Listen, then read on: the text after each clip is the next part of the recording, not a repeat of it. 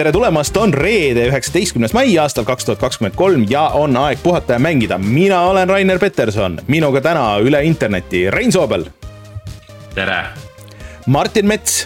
tere. ja äh, üle, me ei jõudnudki nagu tegelikult äh, kokkuleppele, kas esimest korda või teist korda äh, siis äh, inglisekeelse külalisena Jordan Morris. tere Äh, nüüd väike hoiatus, et äh, Jordan räägib inglise keeles, äh, nii et esimene pool saatest siis suuresti saab olema inglise keeles, nii et so Jordan, why are you here uh,? Why um,, what have you made? uh, so I'm here because Rain invited me first and foremost. um, but secondly, I also made a video game and released it last year. Um, it's a Metroidvania, so if you know what that is and you'll like it, oof, problems with my network. That's not good. Mm, there was a slight hiccup, but we can. We can yeah, everything is fine. Yeah. yeah, it's good. Okay. Yeah, um, so it's a Metroidvania. So basically, if you don't know what that is, that's just like a 2D platformer, which is very focused on exploring. And when you explore, you find a new upgrade that unlocks more areas for you to explore, and that's just keeps going round and round, sort of thing, until you explore the entire map. Okay. And it's called Haiku the Robot. Oh yeah, and the name, of course. the, the, game has a name. Uh, but yeah, we actually have a video of uh, Haiku the Robot uh, that we did last year, and uh, I played. Um, didn't finish it, uh, which is on me, but uh, I really want to and uh, I really liked it because uh, I really like Metroidvanias. But uh, we'll um, do a short intro of all the um, necessary stuff, and uh, we'll come back to Jordan in a bit. Nii et äh, kohe tuleme tagasi ja räägime siis äh, Jordaniga natuke veel, aga äh, siis kohustuslikest asjadest meil on Patreon, patreon.com, kaldkriips puhata ja mangida ja kui te meid just, äh, kui te meid äh, seal toetate, siis saate näiteks tasuta mänge, äh, saate tulla mm, meiega Discordi chat ima, isegi saate särke. ja siis saate selle hea tunde südamesse, et olete aidanud meil seda saadet käimas hoida üksteist aastat, näed, Martin, palju õnne sünnipäevaks sulle ka. me eelmine nädal avastasime, et me magasime täiesti oma üheteistkümnenda sünnipäeva maha ma panin ka millalgi seda tähele jah, tõesti eh, nii et. vanus on juba selline, vaata, vanus on juba selline, kus sa enam ei pane seda tähele, see juba läheb lihtsalt numbrid just äh,, nii et äh, aitäh teile kõigile, aga eraldi muidugi suured tänud Taavile, jutlustaja X-ile, Device nullile, Failisile, GameCANile, Kalevusele, ML Linuxile, Randroidile, Quickile äh,. aga kõik teie, kes te olete meid aasta jooksul toetanud või plaanite seda teha äh,. suured tänud teile, ilma teieta me ei oleks saanud seda üksteist aastat äh, siin rullida äh,. siis äh, meil on Youtube'i kanal, kus äh, see nädal ulus küll tuul kahjuks, äh, aga Youtube.com kaldkriips puhata ja mangida. minge vaadake siis äh, eelmise nädala videot, kus me mängime Redfalli. aga loodetavasti järgmine nädal uus video, loodetavasti Zelda või midagi muud, nii et hoidke silm peal. ja mis meil täna siis ka uudistes on uudistest räägime natukene veel, ma ei tea, kaua me seda teeme Microsofti ja Activisioni teemast, me räägime mitmest asjast, mis pannakse kinni, me räägime sellest, et Steam saab mängude trial'it ja paar asja on seal veel, ma vist midagi väga olulist ära ei unustanud, Mortal Combat üks tuleb ka. Hmm.. nii et äh, sellest, seekord on äh, kindla peale teada täpselt, millal tuleb, et me siin juba. uudistest, uudistest me tegelikult ei räägi rohkem nagu sellest CS-GO viimasest major'ist Pariisist, mille, mil, kus just äh, Face ja Robin Rops-Call just langesid välja veerandfinaalis, aga kogu see teekond sinna oli ikkagi täiesti, täiesti hullumeelne ja selline korralik tuhkatriinu lugu oleks olnud küll, kui nad oleks kokkuvõttes veel ka võitnud mm., aga tegelikult oli päris äge siiani ka. No aga ma vajutan siis nuppu ja tuleme tagasi äh,, räägime Jordaniga haikude robotist ja indie-mängu arendusest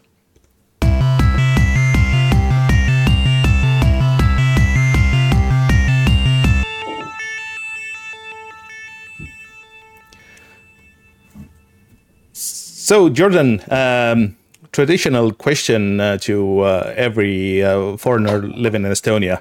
How did you get here? Why Estonia? There are so many much nicer places in, in the world. So why are you here? Um, I moved here because of my now wife.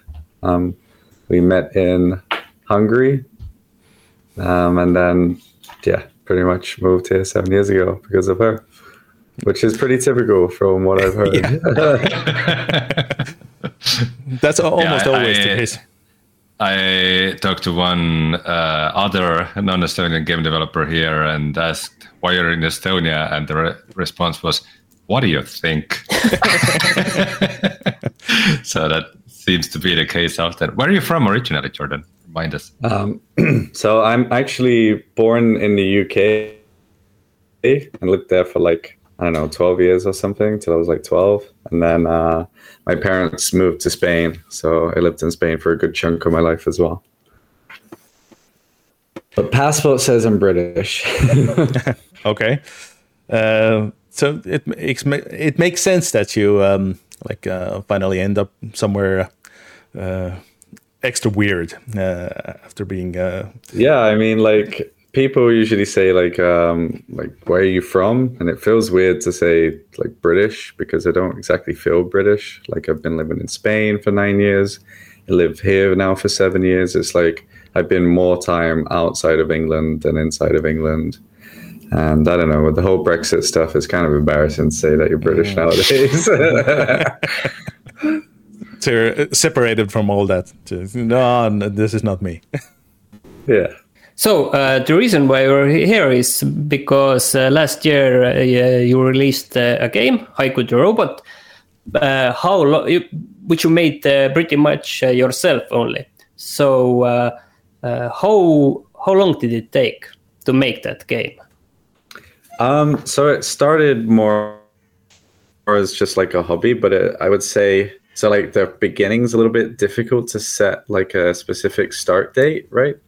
Um, like it honestly started as a hobby. I didn't really think it would grow into something this big, but um,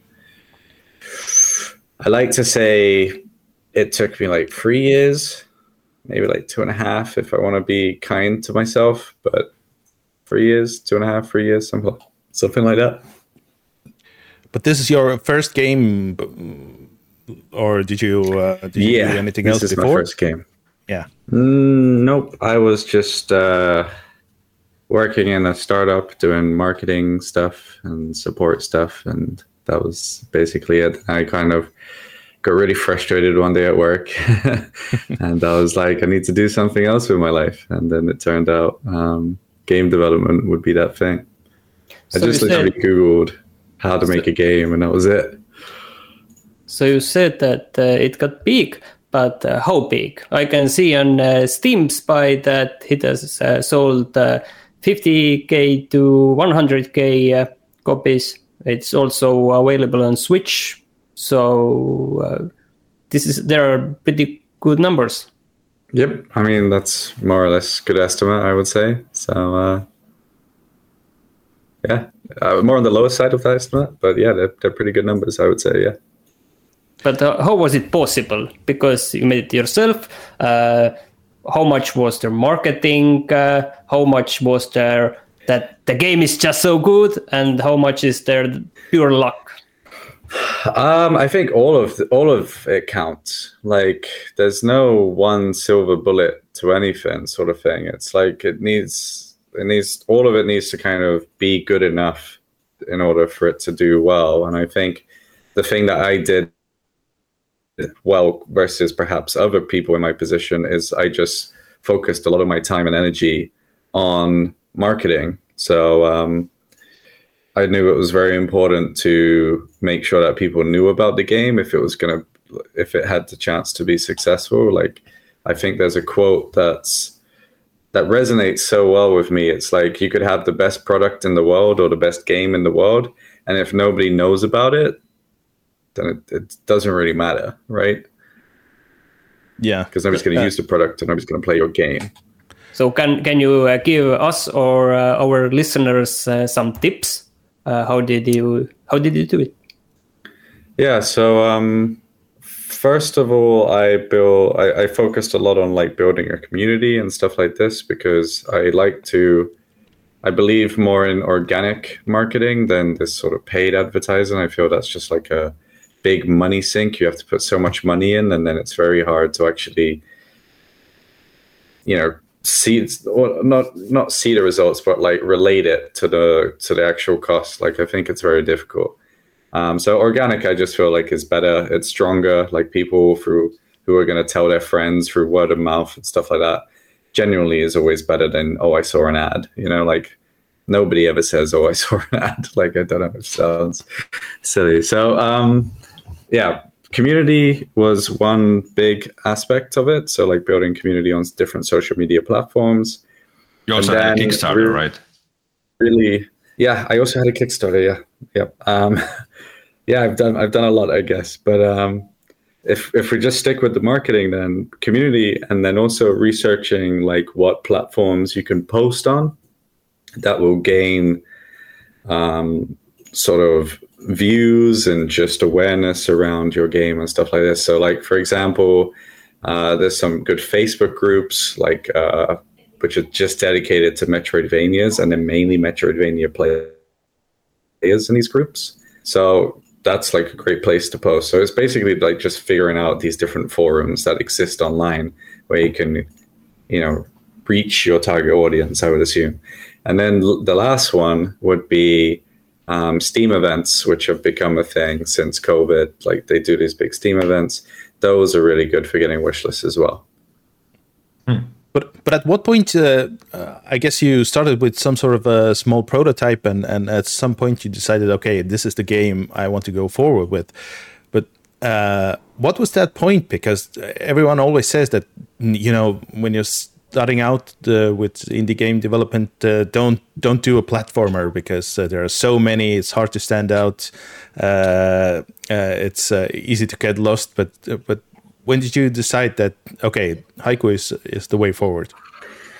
Yeah, so I mean, it just started as a hobby, going back to like when it all started, sort of thing. It was just a hobby project. Like it was literally, I had a bad day at work. I just came home and I was like, I need to Google like how how to make a video game. Let's literally just watch some YouTube tutorials, and it was kind of like I got hooked from there. And then um, after doing a few tutorials and learning a bit more about how to code and all these sort of things, then I started to like just build on this character and make a character like a world for this character, so to say. And I would post that on social media, and the my account was growing like rather decently, I would say. And that was just like a good sign to me. So when finally I was fed up enough at work to do something about it, the kind of options that I saw that I had was like either I change job and look for a new job, or I could try something like Kickstarter and see if this little hobby project of mine is gonna potentially like raise enough funds for me to just work on it for a year, and that would be like, you know, a, I think it's like a dream come true for for for most people, and I mean it certainly was for me. So that's that's essentially what I did. I just did a Kickstarter in the end. Um, mm-hmm. It kind of served as like a nice. Well, if it fails, then I just take it as a sign, like that I'm not supposed to do games, and I'll just look for a new job, and that's it, you know, sort of thing game making isn't only programming and marketing. It's it's also the graphical design, the animation, the gameplay design, the story, the world building, uh, level design. How did you music. level design? Music? Did you do the music yourself I, as well? How I did, did you? I didn't do the music. No. Okay. Everything else I did, but except the music. Okay, but how did you find time for all this? How did you did you manage your time? Two three so, years actually. It sounds like a really short time. I mean, um, you find ways to like speed in the process, and I think um, when it comes to like time management stuff, I was just very critical with okay, this is what's in my range of capabilities, and I'm just going to stick to what's in that range. So I'm not going to do anything too crazy. Like it's a simple game, to be honest. Um, like there's not really crazy mechanics that haven't been done before or anything of to that extent. So I think I was just really critical with like, um, okay, I know that I only have so much skill to code, so much skill to animate, so much skill to do these sort of things. I'm just going to work with within those limits.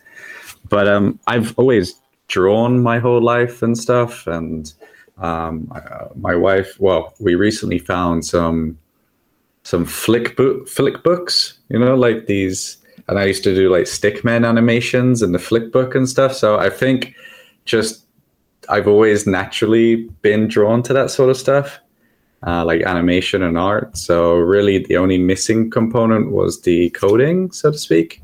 I've always played games. I've always liked games. Um, so yeah, I, I, kind of saw it as if I can learn how to code or if I enjoy coding, then like I kind of have a full package sort of thing or enough skills to make a game within like my limits. And the only thing that I needed help with was just was just music because I tried making music and uh, that's that's yeah that's a whole other beast to be honest. But, what was uh, the what was the hardest part making in making a game hardest part that you were like no no this is this is where i would say no um i think some bugs are tough some bugs are like really tough and some bugs are so tough that you just scrap the idea and then you just try and find something else instead that will work um like that that can be demoralizing and it can be a humble reminder of just how little I actually know about coding and stuff. So um, so things like that. Like I remember porting it to the Switch as well was quite difficult. Bashing my head against the the um, save system because it's like these are all new concepts for me. So it's it takes me like weeks to learn just how the Nintendo save system works instead of like maybe just a few days of looking into documentation. Now that I've spent weeks on it, I know how it works, but like it just takes me so much longer to do these sort of things. But uh, did you uh, ever um, think about maybe letting some other port studio do the port? Or um, I know a lot of uh, indie devs go that route. Yeah, I did, but I didn't want to give away thirty percent of my of my revenue. You know, well, because I, I uh, felt like I can do it if I just give it enough time. I can do it, and that and if I give it enough time is like a month for me and is a month of my time worth giving away 70% of potential revenue to somebody else. So i felt like it wasn't especially considering that it did well, well on steam. And so many people told me that the switch port is easy to do like you can do it. So i just i just pushed through i guess. But now now i'm a bit tired of the game. So i'm if anybody's listening i'm actually looking for uh, somebody to port it to PlayStation and Xbox because I just don't want to work on the game anymore. Like I want to kind of finish this I, last update that I'm doing and then move on to something else. I just wanted to ask, uh, like, uh, are you planning to uh, bring it to other platforms? But uh, you already answered it. But mm-hmm. Uh, why did you choose Switch over over maybe PlayStation that has well maybe maybe now it's obvious, but uh, but uh, like uh, two three years ago, uh, PlayStation Four maybe would have been uh, like a solid solid choice. Um, I just felt like I, I did I did like a bunch of research. Like that's that's one thing I definitely did uh, well. I think was just research. Like there's so much information online that other companies put out, other games put out. You can find like the revenue percentage of like sh- games like Shovel Knight, for example. I think they released exactly how, not exactly, but percentages of how much they earned on each platform. And Xbox and PlayStation was just um, a lot smaller than everything else. And if you're one person, I think you need to manage your time well to know, like, okay, I can't do everything at once because because it's impossible. Like the quality would drop, or it would be too stressful, or it would be just too much load for one person, like whatever the, the reason. Um, so I just decided, okay, I'm going to just do uh, promise like PC and Switch, and that's it. And then the rest is extra, I guess. You already said that uh, you want to move on. So uh, where and uh, what is the next uh, next uh, station? I don't know yet. I wish I knew that myself. It's so it's so tough. Like like finishing a game and then especially because I think a lot of starting a game three years ago was I was just so naive. So like any big problem that would arise, I would be like, "Wow, you got yourself into this, so you got to get yourself out out of it," sort of thing. So that kind of just kept me pushing through. It's just this kind of naivety of like, you've started, you've you've done a Kickstarter, you have all these people waiting on a game, you have to finish something now, you know. So um, now that I know what it takes to make a game and what goes into making a game, it's just very difficult to kind of make that step, that commitment, you know, like to being like, okay, this is what I'm going to do now. So, I mean, I have like two or three prototypes that I'm just messing around with, but um, we'll see. We'll see which one I decide to commit to. But is there one thing you learn learn from uh, making uh, Haiku that that you now are thinking say, saying okay whatever i'm doing next this is the one thing that i'm definitely not going to do. Yeah i'm not going to code literally everything. Like like inventory systems there's tons of packets and packages that you can download from asset stores that just do this stuff out of the box. And i coded my own freaking inventory system and stuff like this. So stuff like you know it's just more like i mean i think it's good because i learned how they work and what how you know all these sort of things. It's very g- good learning experience for me. Um, but i could definitely be smarter in that aspect of reusing stuff that already exists instead of like trying to we, do it myself all the time. we haven't actually mentioned uh, did you use some kind of a game engine uh, yeah i use unity but unity. I literally, I think like when it comes to just packages and stuff, I only used one for like controllers, and that was it. Mm. So, do you plan to um, make your next game as a solo dev project as well, or are you planning to expand the team? um, that's a good question. Uh, I like working by myself, to be honest, but I would maybe just hire an extra artist because the art is it takes a long time takes a long time to make. So yeah, maybe an artist I would do. I would hire. But are you still? Uh, last week uh, on the show, we we talked about game engines a bunch and uh, and talked about Unity and how they're not doing so well. Um, are you still um, uh, keeping keeping Unity or or moving on to something else? Um, I don't know. I don't really. I'm not really one for drama and stuff. So I'm I'm kind of kind of a little bit indifferent, but I I do know that there seems to be this perception of that Unity is doing very bad and all this sort of stuff, and everybody's shifting to Godot and all these other game engines. So it's it's tough for me to say, mainly because I don't really know too much about it, so I don't feel like I can give a valid opinion on the topic either. But I mean, when it comes to sticking to the game engine, I would stick to it for now. Yes. Yeah, but uh, you, well, you kind of also answered it, but um, uh, do you plan on uh, a physical release uh, for Haiku um, uh, sometime in the future? Because I saw a, a very adorable plushie uh, somewhere on the internet that looked very cute, but but uh, no physical uh, Switch or or well, it wouldn't make sense to make a PC physical these days, but but still. Yeah, it should hopefully come somewhere after summer, somewhere just after summer. Okay. Hopefully.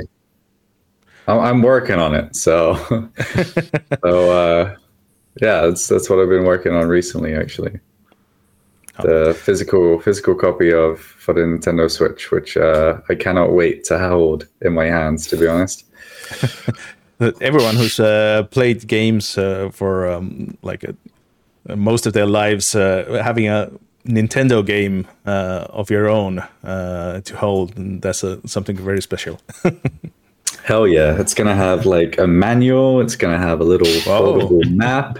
Really? It's gonna have all sorts. I mean, I, have you seen the? Uh, I don't know on Twitter everybody's like complaining about how you open the new Zelda game, right? Yeah. And it's just it's just empty. Like there's just a cartridge and that's it. Like it feels criminal almost.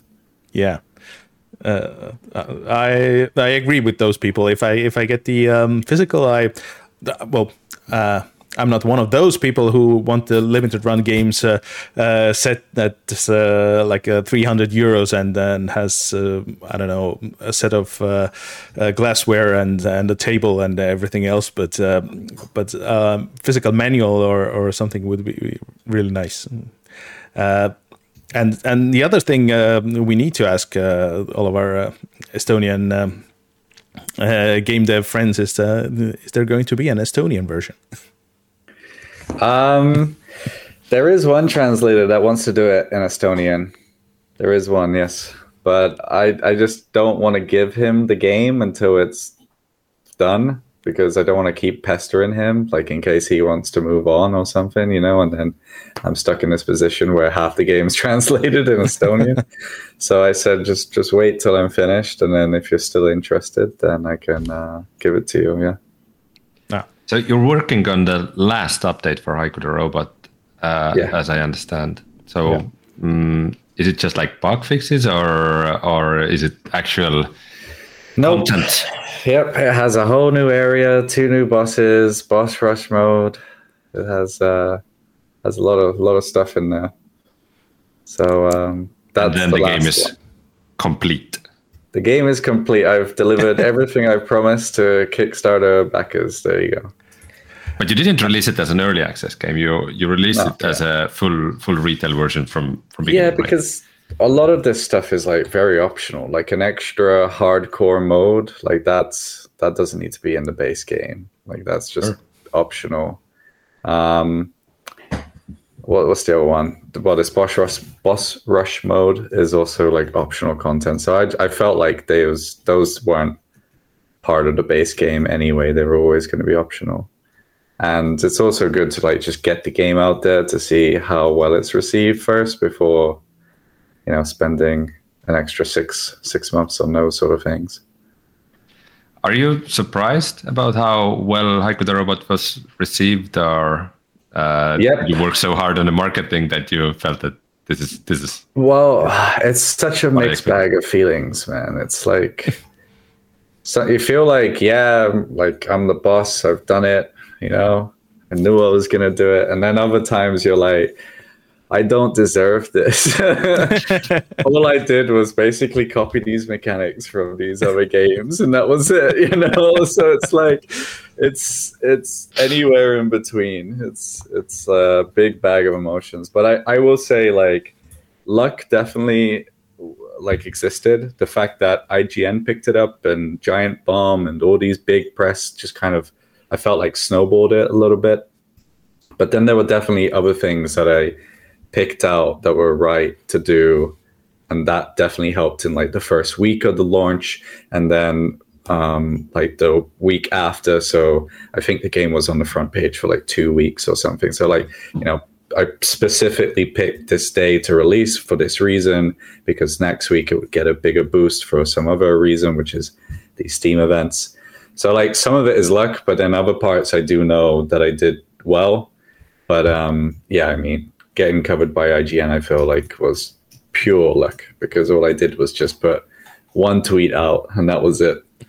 So but, I mean, uh, it seems it has a nice little tail going on because uh, I'm seeing on my Twitter feed that people totally unrelated to Estonia or or uh, even I don't know indie games that much are uh, still discovering it and and uh, and tweeting about it. And, oh, I found this uh, nice little uh, indie Metroidvania game I didn't know about, and and oh, it's it's so good. It, but I think it it's going to be um, like this for a couple of years. I think for you because I hope so. I mean that that's like dream come true, isn't it?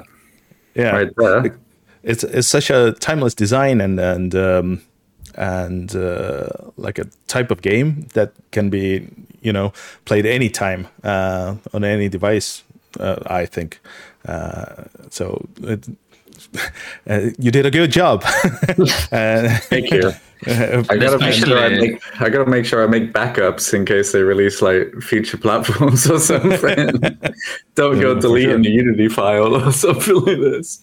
No, it's you, probably you you also uh, kind of locked out in a, in a sense it's probably a very good game to play handheld so uh, it kind of coincided with the success of uh, nintendo switch and also now steam deck it's probably pretty good to play it on steam deck as well eh?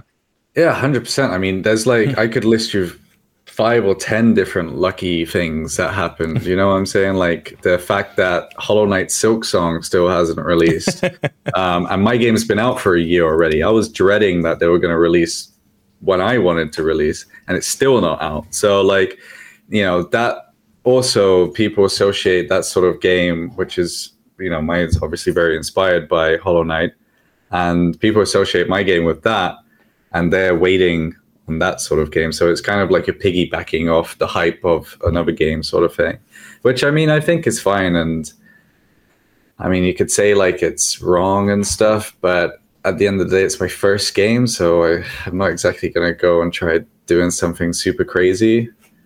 And uh, yeah. for uh, for your first project, first game, it's uh, actually amazing. Uh, I think uh, everyone who even uh, gets to the point that they get their game out, usually it's either mm, not well received or or just uh, dies somewhere on the vine. So. Uh, the fact that Haiku managed to do so well and is such a good game, it's it's a small miracle, I think. I, I agree. I think it's a miracle. Every game What actually, are- mm, pretty much miracle, but what are some of the main inspirations of, uh, behind like Right. Um, so obviously Hollow Knight, uh, just because it's the sort of the newest Metroidvania, and obviously it's very, very good as well. Um, but funny enough, I actually didn't play Hollow Knight until after the Kickstarter. So I was purposely trying to stay away from Hollow Knight sort of thing. But so many people were just saying, "Oh, it's Hollow Knight, it's Hollow Knight, it's Hollow Knight," and I was just like, "Okay, fuck." I'm sorry for the uh, f bomb, but uh, Nah, you know, I got to play this now. And then um, I played it, and it's fantastic. Obviously, like it's really good. Uh, but uh, like a lot of some of the videos of when I was learning about game design referenced Hollow Knight quite a lot. So I think that's where the inspiration kind of came from in the early phases. Uh, but Super Metroid as well. Uh, like Haiku literally has like the morph ball and bomb jumping, so um, that's that's a big one. Although I would say my bomb jumping feels better than in Super Metroid, but it is what it is. And um, when I first drew the character, it was kind of that's kind of when the floodgates opened and all this kind of ideas came in. So I would watch like movies and anime and stuff like this, and I'd constantly be like relating it back to my game, like how could I fit this into the world, or oh that would be cool if it was in my world, sort of thing, and and, uh, and yeah. But um, mm, uh, have you uh, received any feedback from uh, from the Hollow Knight guys or or someone uh, whose game you are uh, we or um, grew up um, looking up to or or something like that? Um, so T like only the marketing manager from Team Cherry has like retweeted my games. Well, retweeted a few of the trailers and stuff like that. Um, he's, I feel like that in itself is probably big enough, and I, I can't help but think maybe that's what got IGN to like be interested or something similar. Mm-hmm. Like you see like an, a figure like that retweeting such a game, then it's kind of social proof for that for that in that sense. Hmm. But not really anybody specifically has reached out and said hi like I've played your game and stuff. I wished. I wish somebody like Tom Happ from Axiom Verge or something would just be like, Oh yeah, I played your game, it's cool or whatever, you know. But uh, unfortunately it hasn't been the case. But uh, I think um, we got a very good view of uh, what um, mm, an um, German, uh, uh, British, um, Estonian game dev. Spanish, Uh, Spanish, Spanish. uh, uh, sorry, so, sorry. so, uh, got Yeah. mixed up there with the uh, with the countries, but uh, uh, does in Estonia, Right. and then how, right how next to you, each other. and and uh, how uh, basically anyone who's fed up with their work uh, uh, if you're listening now you can uh, start watching these uh, uh, youtube tutorials there are a lot of them for uh, any uh, game engine you can imagine so uh, get on it get to work do your research Yeah, just Google how to make a game, and you know you're golden. I mean, it's it's not that easy. Don't get me wrong, and um, for sure, there's like I've developed bad habits now, like through doing it that way, like that aren't really that good when it comes to coding and stuff. Uh, so it's not all like roses and sunshine. There's also a dark side to it. to the I- I actually- tutorials. I actually wanted to ask uh, what it's like for you um, to be like a like a non-Estonian Estonian game developer. But since you're developing solo, I'm guessing it doesn't make much of a difference where you're actually working physically. Yeah, I mean it is a bit weird. Uh, don't get me wrong. Like, um, th- there was this uh, championship, this World Game Development Championship. I think it was a few weeks ago, and they decided that Haiku the Robot was the best Estonian game, uh, which I was gladly accepted. But yeah, it does kind of beg the question, right? Of like if you're, I mean, I have a permanent residence. So if that if that helps, then you know, then uh, And the I- company, I- company is uh, registered in Estonia, so. exactly. yeah. So like you know, uh, there there are excuses to say that I am Estonian. Okay. look we uh, uh, we have so uh, we have so much pride in uh, our uh, Estonian games and game developers, and even uh, if uh, someone is working on the lighting on some game, we can call it an Estonian game in some studio. And if someone is working on um, on I don't know level design in in some game, we can call it an Estonian game. So if it's hundred percent made here in Estonia, that's that's uh, most definitely an Estonian game. So. uh, y- y- um, even if we want it, uh, you want it or not. so, uh, Yeah, I mean, Yeah, Man- Mandalorian, Mandalorian is Estonian TV series. yeah, Basically, yeah, Sa- saman tiitel, I think. yeah, And So- and also uh, since all the uh, revenue that Haiku the Robot makes is actually uh, the taxes get paid to Estonia. So basically, Haiku the Ro- Robot is like building. Estonian roads and hospitals. uh, such a small little robot. and also. Uh, the uh, income from uh, Haiku the robot uh, is uh, bolstering the number of well Estonian games make this uh, this much money already. So it's very stable and good mm, uh, sort of um, startup uh, or uh, uh, development uh, thing you can uh, invest your money in. Uh, so it's it's good for everyone. But yeah, uh, I mean, this this Andrus guy who does the game dev Estonia, Yeah. um, like you know, if if it helps to market the game as an Estonian game and for, for the exact reasons that you just said, then um, yeah, sure. Like um, I, I don't have any issue with it, sort of thing. And by the way, we we met at Mängutöö. So Yeah, yeah. Jordan, you actually like go out and uh, and show your game in Estonian events as well. Oh, 100 like I I just it was quite lonely to be just like in I mean, COVID first of all, but then secondly, you know, I left my job, so I didn't have coworkers even if it's just through Slack and these like messaging platforms. So I was quite lonely. So um pretty happy to find out that there's actually an Estonian game dev community and that you also go out to these events like Mango Duo and stuff like this.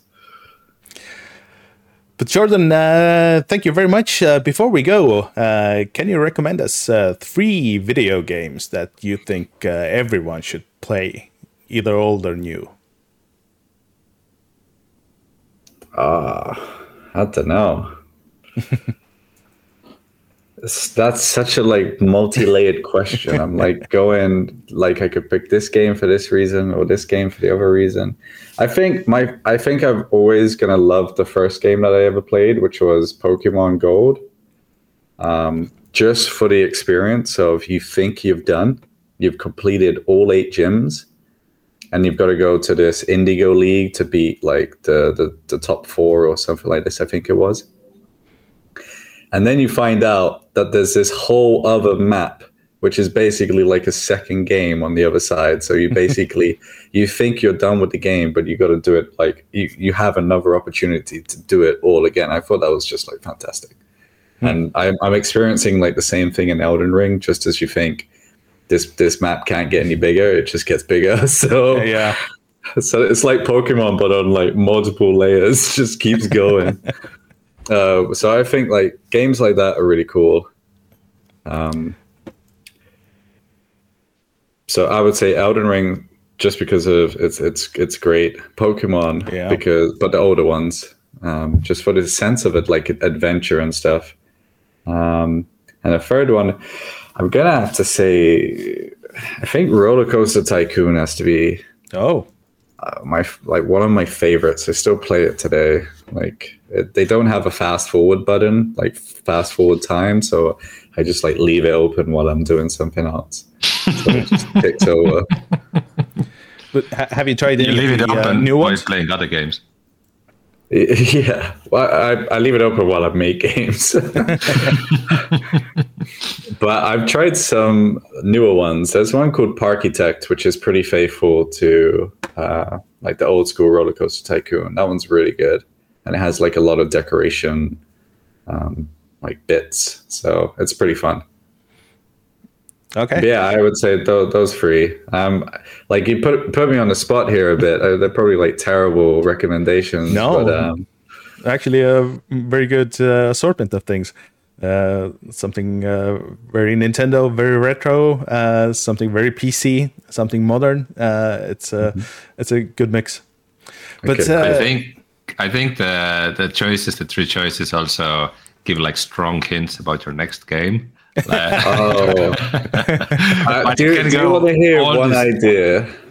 sure. Since we're already on Roller Coaster Tycoon, do you want to hear the, like one idea Let's for go. a game? That I, so um, I've always like I like skateboarding or BMXing is my specific thing. My little brother skateboards, and we've basically grew up in a skate park in Spain.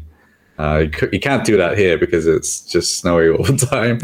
Uh, but anyway, so I really would love to make a skate park tycoon style game, but not mm. where like you have to queue up and you have to wait to the ramp. So like the mechanics would be different, but just to just to satisfy this kind of satis like this fantasy of building your own skate park and then seeing like people come and just watch the simulation run of like people doing tricks on the ramps and stuff like this. I think it could be very cool and satisfying but it sounds like something a project that's a little bit outside of my skill set. So yeah, know, it, it's it's like an advanced version of uh, Skate or Die or or something like that, uh, put into a, a, like a building sim uh, uh kind of thing. Sounds good. I mean, I think it's a really underserved market, and all the yeah. games that are in the skate market are just Tony Hawk likes, where you just play and skate but nothing where you like it's strictly just simulation or management based. Hmm. Well, skate uh, management is not something I have seen. I'm, I'm, I'm you must admit, yeah. But, but what uh, about you guys? What's your like top three games? Just Oh, like let's not go there. that would take us an hour, and we yeah, have a lot of news to cover. yeah.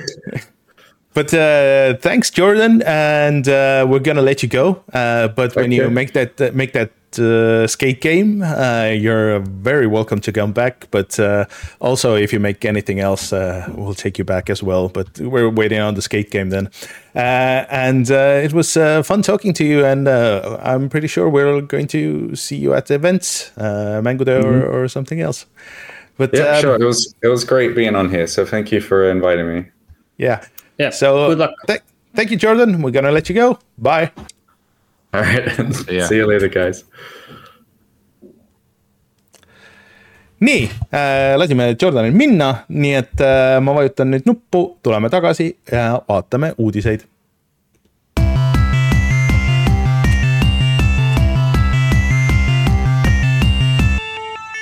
uudised kuulge, aga mul on küsimus, nii, miks me inglise keeles saadet edasi ei tee, me saaksime ju nii palju rohkemate inimesteni jõuda, kui me ei räägiks oh no Rein, ei, siin on keeles. äh, omad piinlikud momendid siiski, et ärme, ärme sinna lähe, et jääme, jääme eesti keele peale. on ma äh, arvan, et me peaks katsetama. äh, ütleme, et Eestis inimesed on seda katsetanud äh, üldiselt äh, sellist asja ja üheksakümmend kaheksa protsenti juhtudel on see vist läbi kukkunud, kui ma nüüd äh, Youtube'i ajalukku Eestis äh, süvenen, aga ärme seda praegu siin küll lahkama hakkama. ütleme nii, et meil on natuke liiga, liiga palju konkurente, kui me peame kõikide maailma inglisekeelsete on mängu podcast idega võistlema, siis äh, me kahjuks Inglise keeles on meil, inglise keeles tuleb meil viis vaatajat, Rein, et see, see läheb niiviisi. võib-olla ma päris äh, tõsiselt ei mõelnudki seda. okei Ei okay. kuulge, aga Euroopa Liit nüüd ütles tõsiselt, et eh, Microsofti deal Activisioniga võib läbi minna ja okei okay,, las see nüüd olla niiviisi. Aga seal on mingid väiksed agad ja ausalt öeldes ma pean tunnistama, et see viimane nädal on mul nagu olnud nii hullumeelne, et ma ei ole täpselt jõudnud arugi saada, mis see nüüd kõik kokku tähendab, Rainer. Need äh, agad ei olegi, agad ei olegi nii väga väiksed. lihtsalt äh, naljakas on see, et kuidas ähm, kogu siis äh, nii see Euroopa Liit kui ka siis see Inglismaa, see CMA, kes juba ära keelas selle kõik. kõik keskenduvad sellele ähm, äh, pilvemänguteenusele mis väidetavalt on tulevik ja väidetavalt, kui Activision siis äh, ikkagi nagu saaks äh, äh, Microsofti omaks, siis rikuks ära kogu selle pilvemänguteenuse kõikide teiste konkurentide jaoks. Ühesõnaga, Euroopa Liit lubas läbi selle diili tingimusel, et äh, kõik teised pilvemänguteenused saavad edaspidi litsenseerida äh, siis kõiki Activisioni äh, ja vist isegi ka Microsofti mänge. ja see tegelikult on juba täna näha, sest et äh, just täna vist jõudis siis Gears viis sellesse Geforce Now striimimisteenusesse. ja ma arvan, et see, see on kõik Microsoftile nagu sihuke suhteliselt sihuke, sihuke, ei noh andke minna, palun väga, sest et ega nad ju eh, selles mõttes, et nad eh, võimaldavad seda ligipääsu, ei tähenda seda, et nad peavad seda tasuta tegema, sest et ma arvan, et nad hakkavad saama litsentsitasu eh, kõikidelt nendelt teenustelt. Microsofti enda mängud on seal edasi olemas. ilmselt siis ka edaspidi Call of Duty'd ja nii edasi. ma arvan, neil jumalast ükskõik sellest, et ilmselt ka muidugi osaliselt sellepärast, et nendele, noh, see Microsofti äh, cloud siis on üks parimaid äh, pilveteenuseid hetkel ka nagu, et, et see ilmselt teeb nende jalgealuse veel nagu tugevamaks. äh, ja kui keegi teine tahab tasuta või noh, põhimõtteliselt neile promo teha, siis andke minna nii et äh, tundub, et see kõik võib ikkagi nagu läbi minna ja siis, siis muidugi teine asi, mis siin siin oli, aga ei ole veel kinnitatud, et äh, võib juhtuda niimoodi, et Inglismaal piiratakse osad need äh, teenused ja asjad ära. sest Inglis-, sest Inglismaa ühesõnaga ei olnud selle diili läbiminekuga nõus, aga Inglismaa pole muidugi ka Euroopa Liidu osa. just, et äh, võib juhtuda niimoodi, et näiteks Activisioni mängud siis üldse ei olegi näiteks Gamepassis või, või siis selles cloud'i teenuses, mis mulle tundub. Nende et, regioonis, nende regioonis nende regioonis on ju, mis mulle tundub, et võib-olla ei noh, kõikidest võimalikest ähm, lahendustest ei ole ka nagu kõige halvem Microsofti jaoks. no jaa, aga muidugi kasutajasõbralik see teistpidi ei ole nagu Just. seal, aga noh, okei okay,, aga me ei pea nende pärast muretsema siiski nii palju. jah, et tundub, et see kõik ikkagi läheb läbi ja Activisionil ilmselt seal kõik on praegu ka täpselt samamoodi ooterežiimis ja, ja see ilmselt kajastub ka praegustes Activisioni väljalasetes, millest me kohe varsti räägime, et äh,. aga ootan huviga jah, et kuidas see kõik nüüd lõpuks laheneb, sest tundub, et midagi ikkagi nagu hakkas liikuma, aga vahepeal tundus, et oli nagu täisplokk ees. aga vist käidi rääkimas äh, nii individuaalselt kui grupi kaupa ühtede ja teiste regu-, reguleerijate ja, ja niiditõmbajate juures ja. ja äh, vist ikkagi nagu vaikselt, vaikselt läheb see läbi, et äh, jääb huviga ootama, mis, mis sellest kõigest siis äh, lõpuks saab.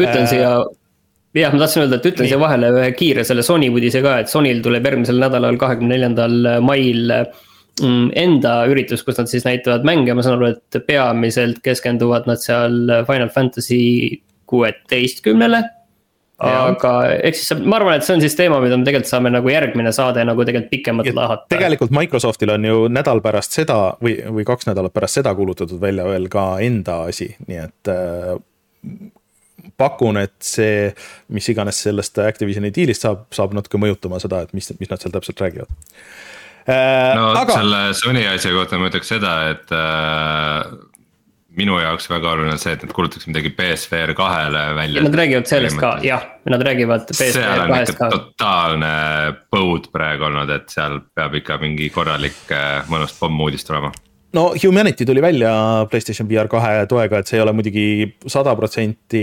sihuke system seller ei ole nagu ilmselt. aga, aga noh, ma räägin sellest pärast, aga mulle tundub, et see oleks huvitav asi, mida proovida küll nagu seal, et see oleks, oleks päris kihvt.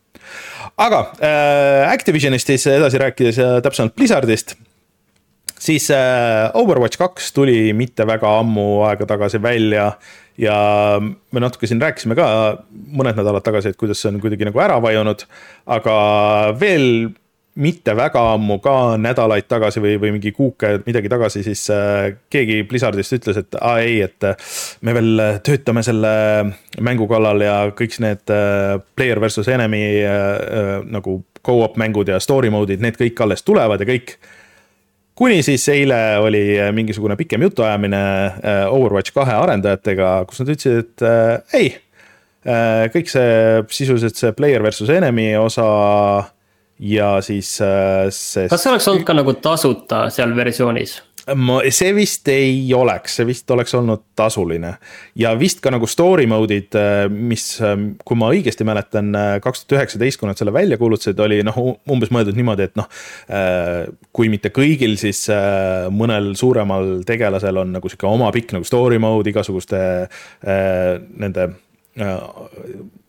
võimete puude ja asjadega ja, ja siis noh, sa ikkagi mängid seda sügavuti, et see on ikkagi nagu single player mäng ja, ja nii. et äh, see oli ka üks põhipõhjuseid, miks Overwatch üks siis kinni pandi ja tehti Overwatch kaks eraldi ähm, ja, ja väidetavalt ka see mängumootor pidi nii advanced olema, et see, see vana mootor ikka ei kannata, me peame kõik üle kolima. aga, aga ka siis selle juures öeldi ka, et ei, ei, et Overwatch üks jääb siis äh, kõrvale, jääb ikka tiksuma, et ärge muretsege. kõik need asjad, mis nad on praegu lubanud, äh, kõik, äh, kõik need on kas cancel datud või ei läinud niimoodi, et Vä väike correction siiski, nad nagu päris loobunud sellest no, single player osast ei ole, põhimõtteliselt mingi mode või asi, seal pidi olema mingi hero mode, et seda ei tule ja sellega kaasnevad süsteemid, et mingisugused single player story asjad ikkagi peaks tulema, aga no, ma ütleme, et ma ei hoiaks hinge kinni. ma, ma sain aru äh, mingist teisest kokkuvõttest, tegelikult see oli noh, mingi päris pikk video, mingi üle tunni aja pikk vist, et mul ei ole nii suurt Overwatchi Äh, isu, et seda kõike ära vaadata, aga et äh, kirjelduse põhjal see saab olema midagi sihukest umbes nagu see Titanfall ühe story mode, et sa mängid äh, tava neid match'e ühe konkreetse hero'ga ja siis sul toimub nagu natuke mingit story't seal ja sul on võib-olla mingi paar ülesannet selle kaardi peal, mis on selle, selle story'ga seotud. et äh, väga antiklimaktiline selle kõige juures äh,, et äh, ma tegelikult ootasin, noh, eh, single player Overwatch oleks midagi, mida mina oleks eh, isegi nagu tahtnud mängida, sest et mulle see multiplayer'i osa nagu väga ei klikkinud. Ja kohe, kui nad hakkasid rääkima, et okei okay,, et me teeme üksikmängu osa, arvestades, kui nagu siuksed noh, nagu värvikad suht karakterid on, et, et seal on mingeid huvitavaid asju, mida saaks ehitada sinna ümber, et tundus nagu tuus, et see võiks täitsa nagu olla. aga nüüd, kui seda ei tule, siis noh, igatpidi kadunud nagu selle huvi selle mängu vastu, aga ma saan aru, et ega mina vist ei olegi nagu oluline selle kõige juures, et. no mina olen meelest kõige rohkem mänginud Overwatchi ühte siis ja ma nagu päriselt eelmine aasta andsin sellele kahele võimaluse, et ma ikka mängisin seda ja mõtlesin, miks ma mängin seda, ma ei tea, kümne aasta tõust mängu nagu uuesti, seal on nagu nii vähe uut. ja noh, see on justkui tõestus, et päeva lõpuks Overwatch kaks ei ole mitte midagi muud kui uh, Overwatch ühe free to play patch. aga hoolimata kogu sellest kriitikast ja, ja nendest halbadest juttudest, mis uh, mis selle kohta räägitakse, tegelikult Overwatch äh, kaks on ikkagi väga-väga edukas, äh, et seda mängib äh, tõesti palju mänge, ma vaatasin mingit statistikat, et põhimõtteliselt keskmiselt üks koma seitse miljonit inimest päevas mängib Overwatchi ja kakskümmend kuus miljonit inimest kuus. aga selles suhtes. see, et öelda, et see on nüüd nagu kuidagi läbi kukkunud ilmselt no, ei ole. ma lihtsalt ütlen tegelikult vahele nüüd ka seda, et kogu see jutt tegelikult on väga sarnane sellega CS-GO kahega ja selle peale üleminekuga ja mis saab CS-GO ühest ja tegelikult CS-GO üks maksis ka ju kunagi raha tegelikult mitte palju, aga noh, mina ostsin võib-olla oli kolmteist eurot selline tavaline hind, aga lihtsalt see on väga sarnane, on tegelikult see lugu, lugu sellele. ja ma ei teagi täpselt, mis ma sellega öelda tahan, aga lihtsalt see sarnasus on siin olemas. lihtsalt äh, point on selles, et äh, et seda kasvu ei ole nagu kindlasti, et seal võib olla mingi kindel arv mängijaid ja piisab sellest, et äh, ma ei tea, Valorant või, või keegi teine teeb äh, mingisuguse väga hea muudatuse, mis püüab nagu need äh, inimesed sealt ära. ja noh, selles mõttes, et äh, nii ongi, aga no eks ma arvan, et see on kõik seotud selle ebakindlusega seal, selle, seal Activisionis ja, ja ilmselt neil olid väga lennukad suured ideed, milleks neile ei antud kas ressurssi või, või kukkus midagi muud suurt ära, sest et ega nad muidu ei oleks nii suurelt seda välja lubanud kõike, et, et ma kujutan ette, et plaanid olid kõige paremad seal ja, ja, ja nii edasi, aga no räägime veel siis parematest ja. plaanidest, mis olid kuskil ja mis on asjad, mida Rainer on aegade jooksul ka kiitnud Mm, üks asi, mida tegelikult mina panin ka tähele, et väga huvitav, et eh, kunagi tuli selline hittmäng, eh, tuli nagu Tetris üheksakümmend üheksa ja selle järel hiljem tehti vist eh, Backman üheksakümmend üheksa. siis nüüd selgub, et see Backman üheksakümmend üheksa, kus sa siis, ma saan aru, võitled põhimõtteliselt Back, Backman Battle Royale, kus sa võitled üheksakümne üheksa mängija vastu, et see nüüd pannakse kinni see pannakse kinni jah, Tetris üheksakümmend üheksa muideks käib edasi, just on, neil oli mingi event, mis äh, mulle tuli üllatusena, lihtsalt nägin meili, et aa, õige, see on ka olemas. aga, aga teine asi, mis kinni pannakse või vähemalt mille arendus lõpetatakse, on äh, mäng, mida mul ja Reinul kindlasti kästi mängida, et te peate raudselt mängima ja siis, kui ma ütlesin, no ei tea, siis me põhimõtteliselt saime sõimata siin internetis äh,. oli Äh, Vampire the Masquerade Blood Hunt äh, ja kuidagi see mäng äh, ka tuli, siis ta oli natuke nagu pildis mingisugune paar kuud ja siis vaikselt kadus igasuguselt pildilt, aga väidetavalt olla nagu suht okei okay olnud. aga suht okei okay selles, selles kontekstis vist tänapäeval enam ei lenda. eks see on väga tihe turg. ilmselt tegime natukene liiga talle, aga tundub, et äh, et isegi kui tegu oli hea mänguga, mida mm. või noh, on, mida me ei tea, äh, siis ähm,. ütleme, see sõnum, mis neil oli ilmselt kuidagi läks veidikene segaseks, sest et samal ajal oli ka kogu see Vampire the Masquerade Bloodlines kahe draama. mäng, mida ikka veel väljas ei ole ja mida nagu keegi täpselt ei tea, kas ja millal ta üldse kunagi tuleb. nii et ähm, jah, tundub, et oma, oma audientsi see mäng siiski ei leidnud. meil, meil on võimalus see veel äh, ära proovida, sest see oli vist tasuta, kui ma õigesti mäletan. oli vist free to play või? jah, oli jah. ei tea. vaatame viimased päevad siis, kui pannakse kinni äh, aga see on, see on hea koht mainimiseks, et Bloodlines kahel vist praegu ei olegi ametlikku väljatuleku kuupäeva. Äh, et tõenäoliselt isegi mitte see aasta ei, ei tule. et pidi tulema, ma ei tea, viimati eelmise aasta lõpus ja, ja varem pidi ah. veel varem tulema. ja mis mul chati jutu peale meenus muidugi veel sellest äh, Overwatchist on see, et tegelikult ju peaaegu kogu see ladvik, kes olid algusest peale olnud seal need creative director'id ja igasugused suhteliselt olulised inimesed minu meelest äh, läksid ära vahepeal.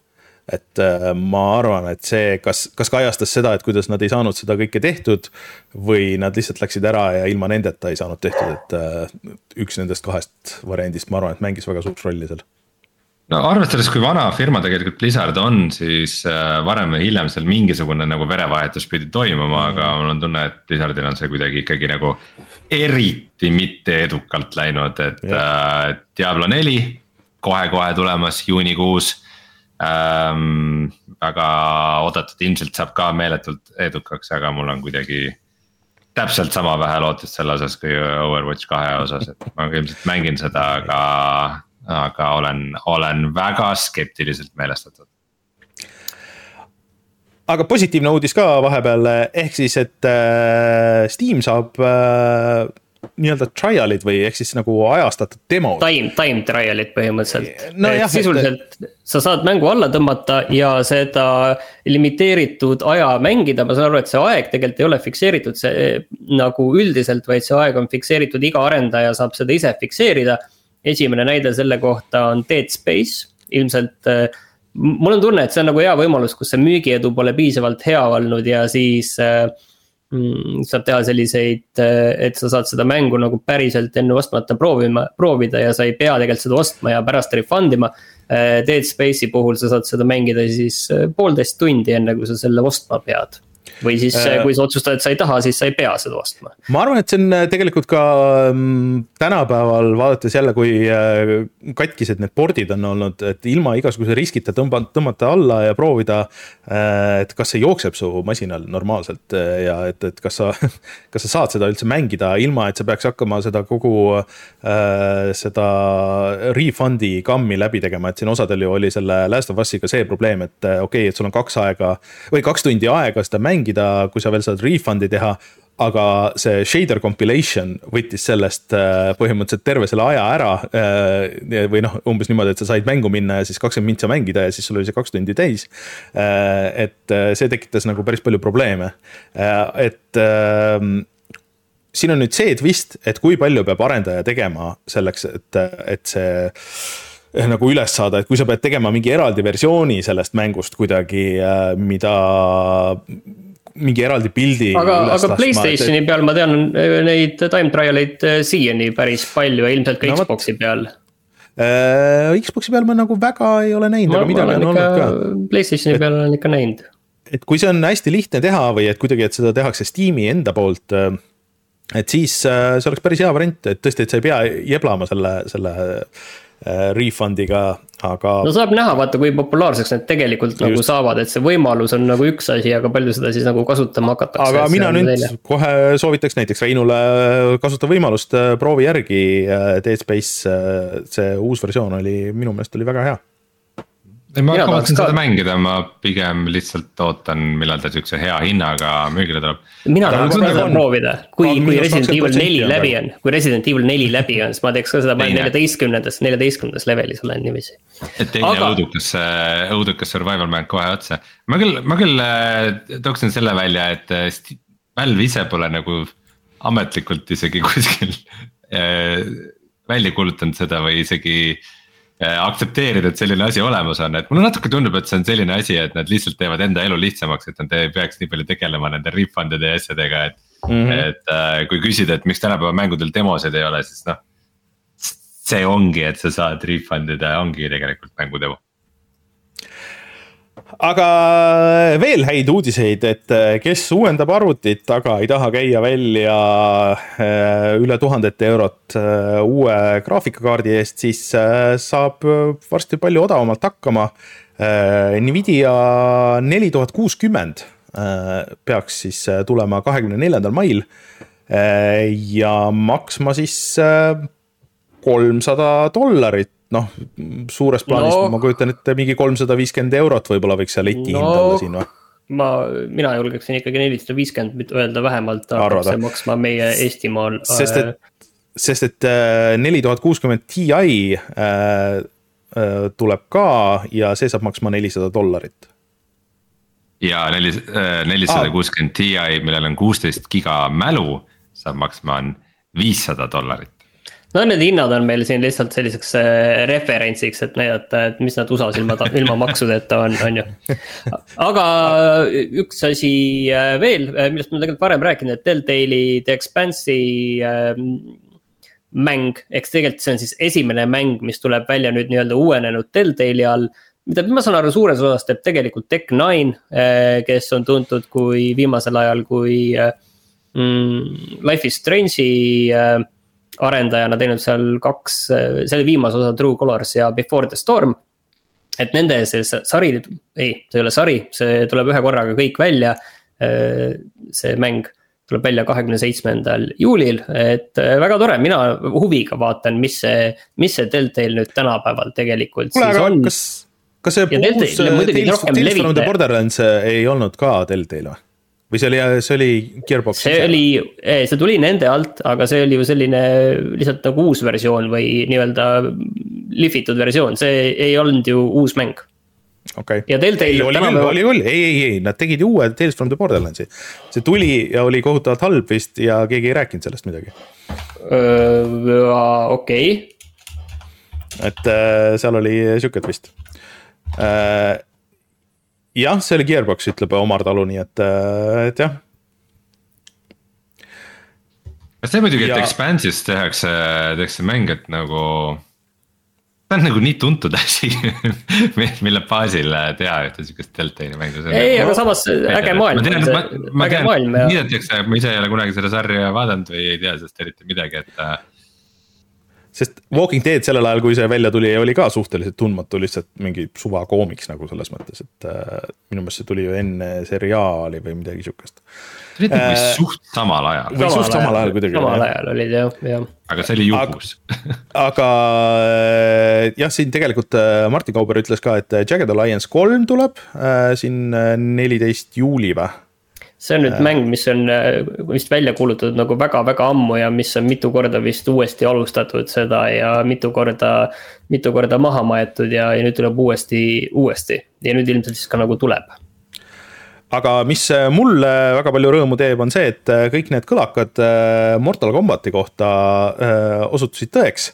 ja Mortal Combat üks siis tuleb juba septembris ja selle kohta on juba teada ka üht-teist, nad lasid välja siukse väga sinemaatilise treileri, kus on väga palju verd, äh, väga palju vägivalda.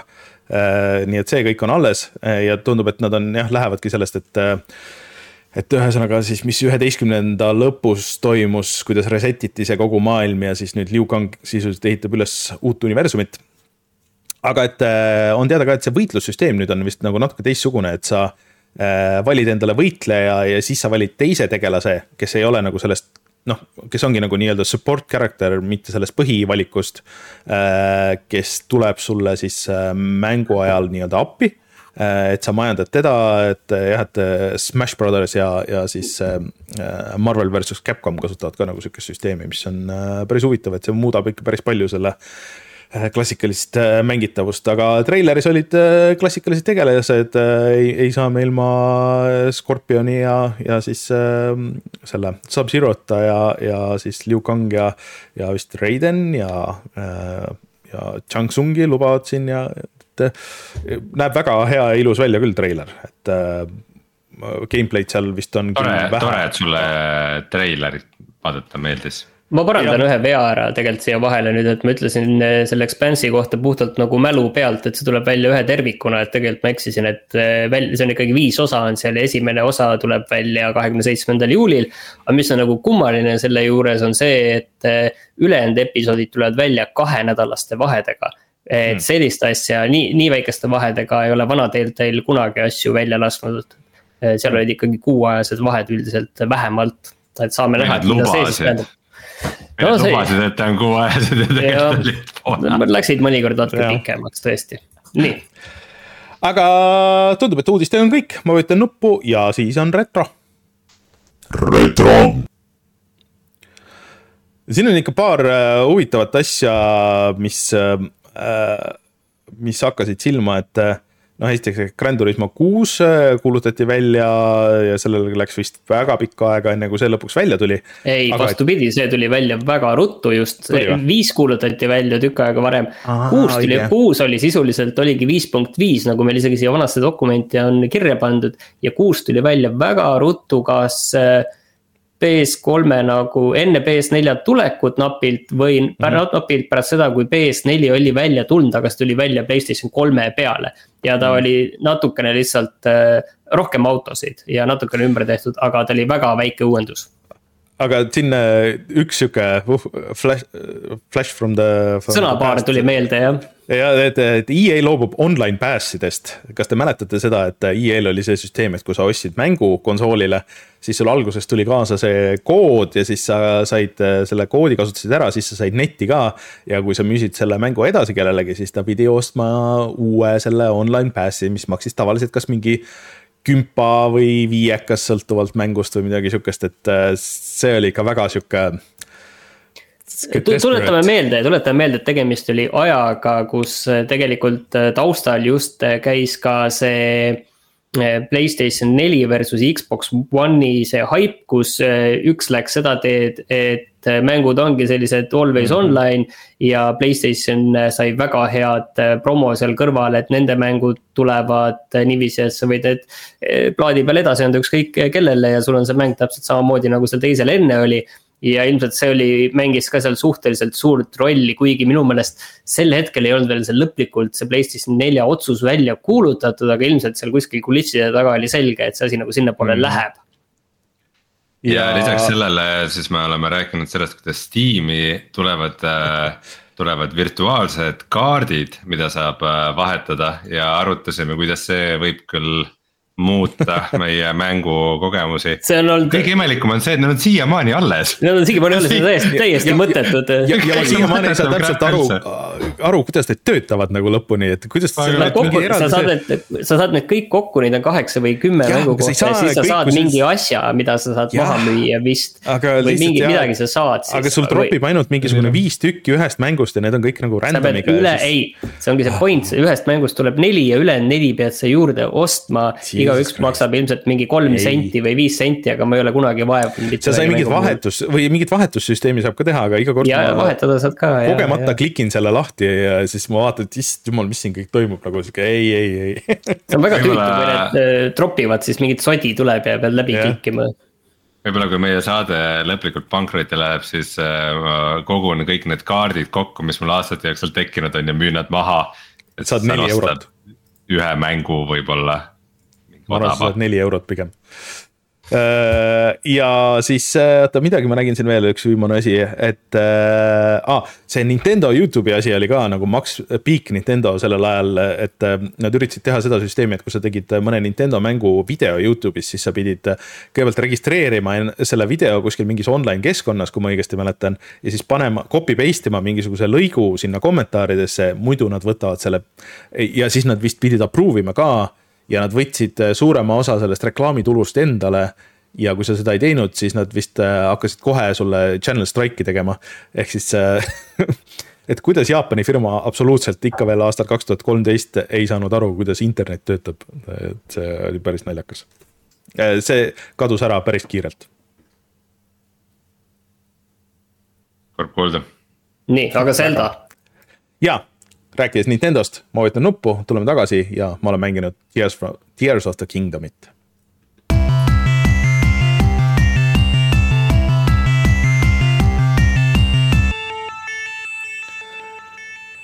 Äh, ma teen siia nüüd selle intro ära, et uh, The Legend of Zelda uh, Tears of the Kingdom tuli välja mm,. sa oled seda mänginud ja mina olen pannud seda asja kõrvalt siin ja ma olen aru saanud, et tegemist on igatpidi meeletu äh, müügihitiga.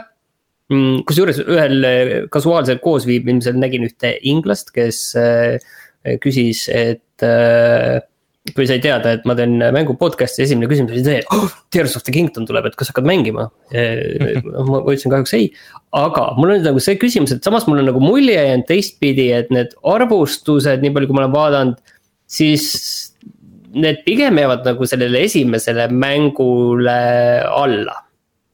ei ole, pigem on, tähendab mm,, pigem on nagu rohkem, aga äh, siin on nüüd mitu aga, et äh,.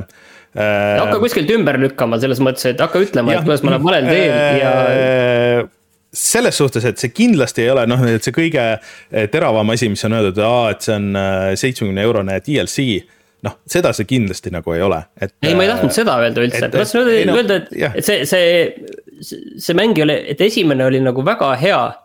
no selles mõttes esimene, eelmine, aga et see ei ole nüüd nii hea ei, vastupidi, see on sama hea, kui aga, mitte aga miks mulle selline mulje siis jääb nagu internetist? aga lihtsalt on see, et äh, see esimene oli niivõrd suur pööre kogu Zelda nagu selles äh, noh, Zelda mängude äh, liinis Äh, ja võiks öelda, et üleüldse nagu avatud maailma mängude ja kõige selles, et ähm, äh, Tears of the Kingdom läheb sealt samast nagu selles mõttes edasi aga kuna Breath of the Wild on juba olemas, siis ta ei ole nagu nii suur üllatus ja ta ei tundu võib-olla kohati nii värske. et äh, eriti mulle tegelikult tundub, et nüüd olles mänginud Elden Ringi, siis äh, äh, siis see on kuidagi nagu eriti nagu naljakas nagu paralleel, et, et kui sul on see ajajoon, on ju, ja see ajajoon läheb kaheks ja siis ta lähebki nagu ühele poole läheb nagu sellest eh, Breath of the Wild'ist läheb, läheb Elden Ringiks ja teisel poole läheb eh, Tears of the Kingdomiks. ja mõlemad on nagu põhimõtteliselt äh, valiidsed, aga siuksed paralleelsed asjad, et äh,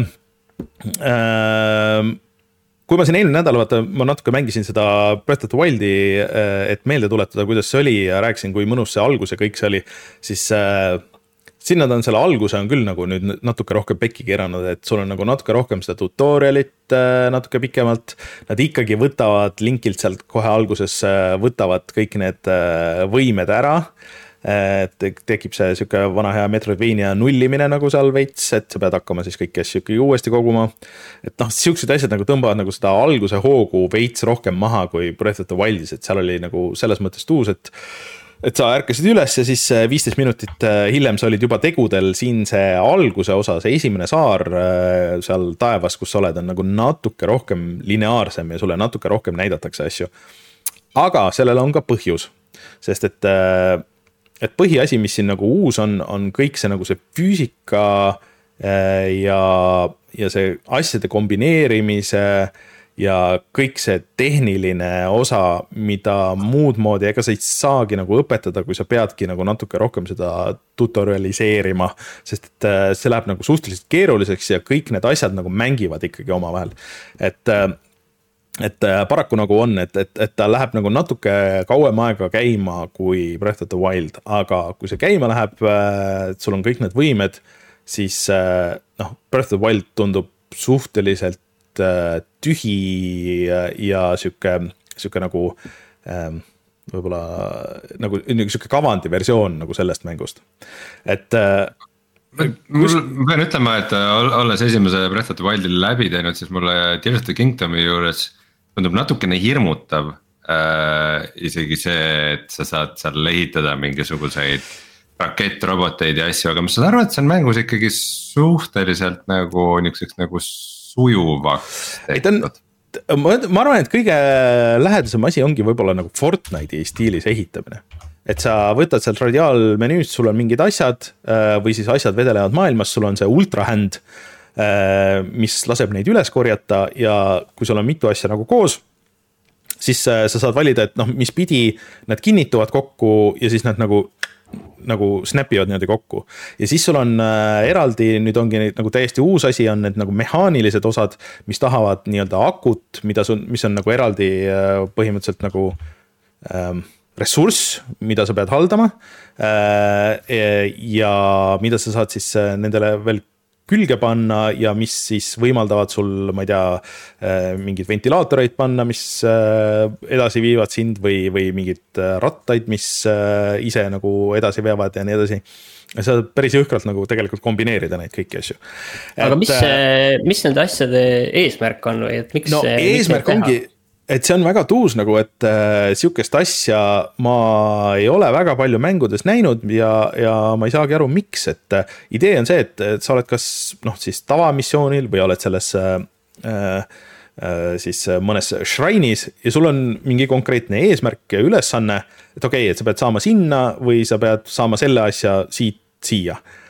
ja sul on need mingisugused asjad äh, vaata ise, kuidas sa teed seda. et võib-olla piisab sellest, et noh, mul, ma olin just kuskil maa all mingisuguse jõe peal Äh, mul oli vaja saada sealt edasi, link väga kaua ujuda ei saa, aga äh, seal olid, vedelesid lauad, siis ma võtsin lihtsalt ühe laua, siis ma panin sellele külge ventilaatori äh, ja siis põhimõtteliselt see, see viib küll, mul ei ole veel mingit asja, millega tüürida, aga põhimõtteliselt ma saaks panna ka mingi füüsikalise asja, mis aitaks mul tüürida. aga, aga ma lihtsalt lahendasin selle niimoodi, et ma läksin nagu sirgjoones ühele poole, siis ma võtsin selle ventilaatori, tõstsin nagu teise nurga alla, läksin teisele poole niimoodi, niimoodi, niimoodi. ja see töötas hästi kui ma oleks viitsinud panna sinna ehitamise alla võib-olla veel mingi viis-kümme minutit, võib-olla ma oleks ehitanud sihukese väikse toreda parvekese, mida oleks saanud rohkem kuskile tüürida teisele poole või võib-olla ma oleks saanud hoopis minna ringiga, et see on ka nagu alati variant, et äh, et mida see ehitamine. Äh, vaatevinklist muidugi see, et nad nii palju neid erinevaid süsteeme on suutnud äh, selle vana switch'ikese mängu peal tööle saata, saada on küll ikkagi täiesti hämmastav ja see mängu suurus on ka nagu, et selles mõttes, et sul on tegelikult põhimõtteliselt kogu see esimese Breath of the Wild'i kaart, mis on nüüd eh, noh, seal alguses toimus asju, see kogu Hyrule, Hyrule loss tõusis õhku eh, ja, ja sealt pudenevad kogu aeg mingid asjad, mis on muutnud kogu seda maastikku seal ja kõik linnad on suuremad ja nii edasi. Et sul on kogu see kaart, aga sul on ka terve sama kaardi suurune maa-alune kaart ja sama kaardi suurune. ma olen seda ju kusagilt kuulnud et äh, täpselt. mingi teine mäng just. ei teinud sama asja. aga, aga äh, veel sürrim tegelikult, kui see füüsika, see ehitamise osa on äh, kurat, mul ei tule kohe meelde, mis selle, mis selle võime nimi on. aga see on põhimõtteliselt sihuke asi, mis, mis igas teises mängus sul oleks kas väga piiratud kohad, kus seda kasutada või siis äh, see oleks mingisugune häkk, ehk siis põhimõtteliselt sul on nagu wall clip. ja ükstaspuha, kus sa oled, kas sa oled kuskil maal kaevus või sa oled kuskil äh, mingis äh, ehitises, mingis majas. siis sa võtad selle asja välja, kui seal on enam-vähem sirge lagi. siis sa saad lihtsalt nagu teleportida ennast sellest läbi mis iganes seal teisel pool on, siis sa saad kohe nagu sinna. et kui sa oled kuskil kaevanduses ja sa ei viitsi otsida seda redelit, kus see välja, siis lihtsalt võtad selle välja ja sa põhimõtteliselt ujud läbi selle mateeria, mis seal vahepeal on. Äh, ja tuled välja teiselt poolt. kas see et, äh, põhimõtteliselt nagu selline game breaking ei ole?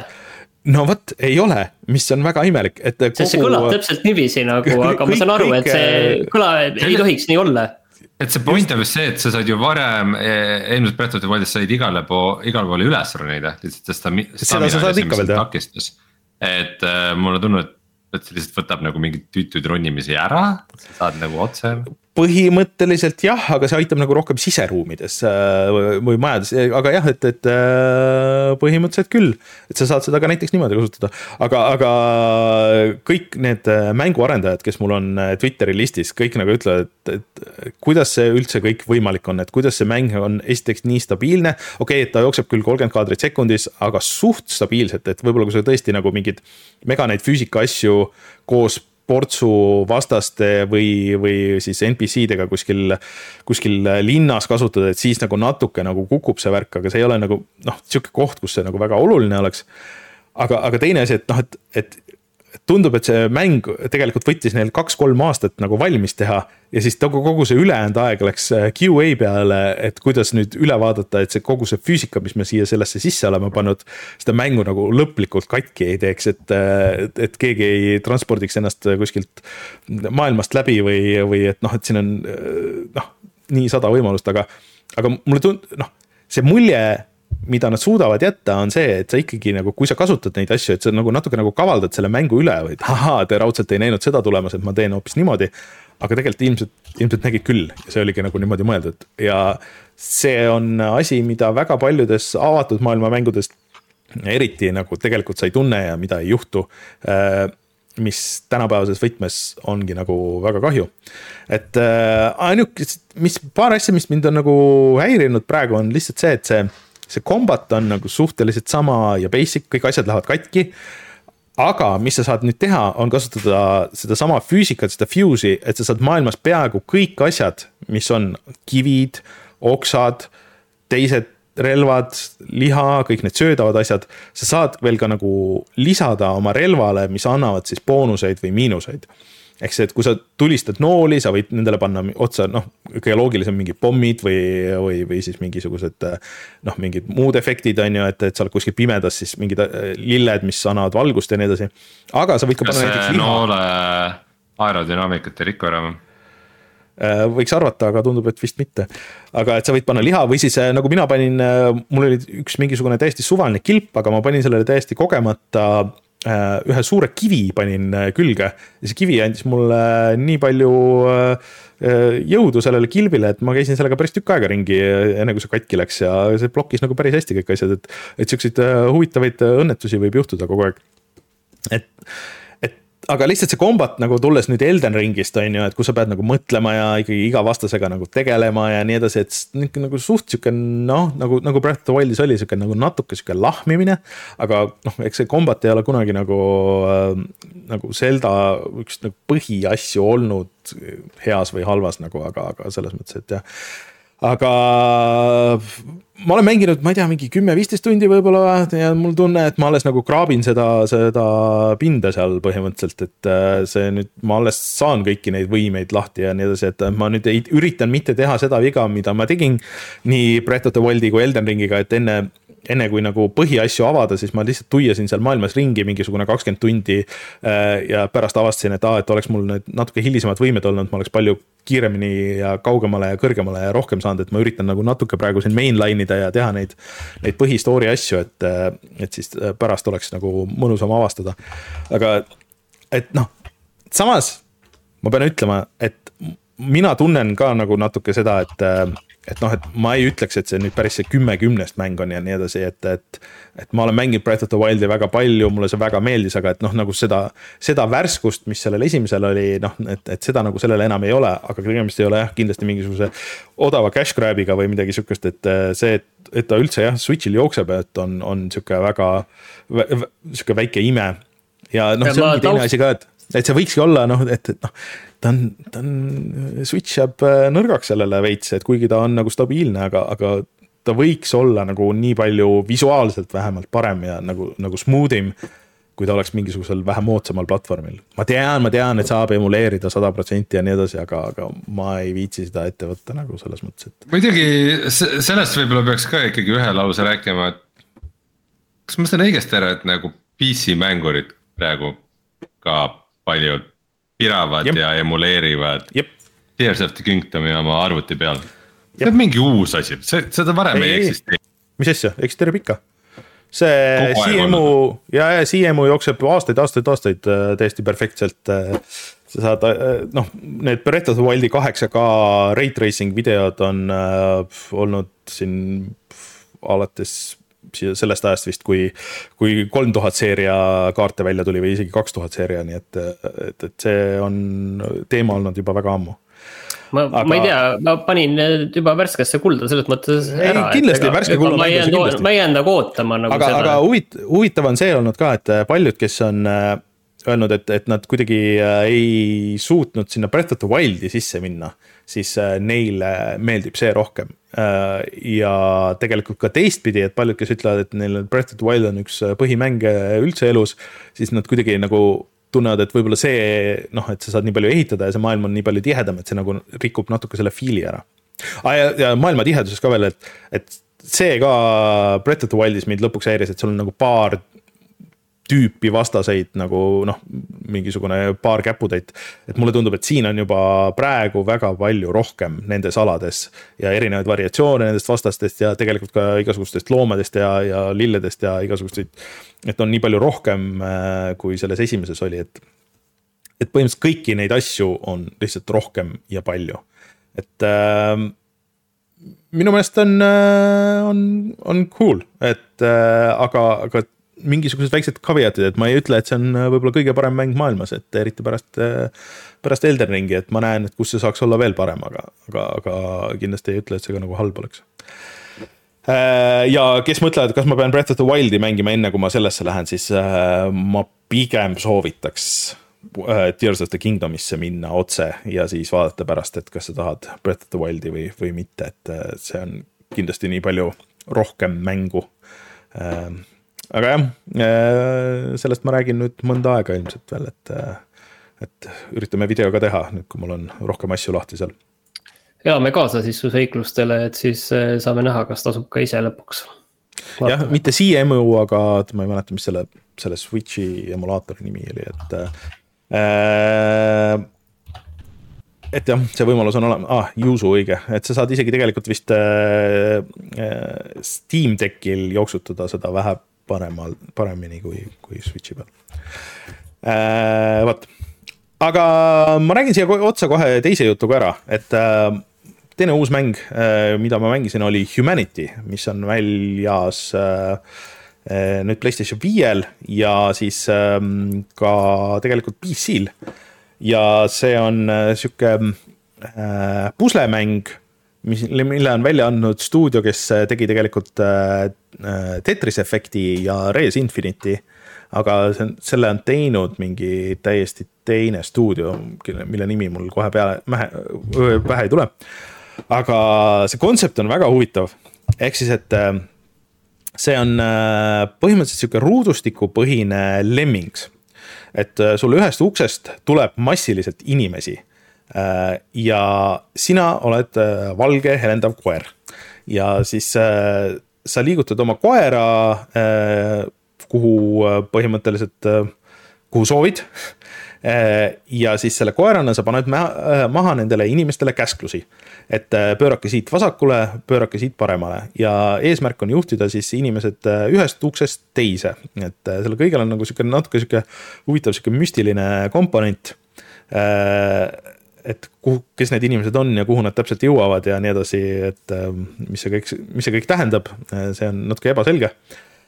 ja kui sa tahad veel eriti hästi lahendada seda kõike, siis äh, äh, levelites on ka kuldsed suured mehikesed.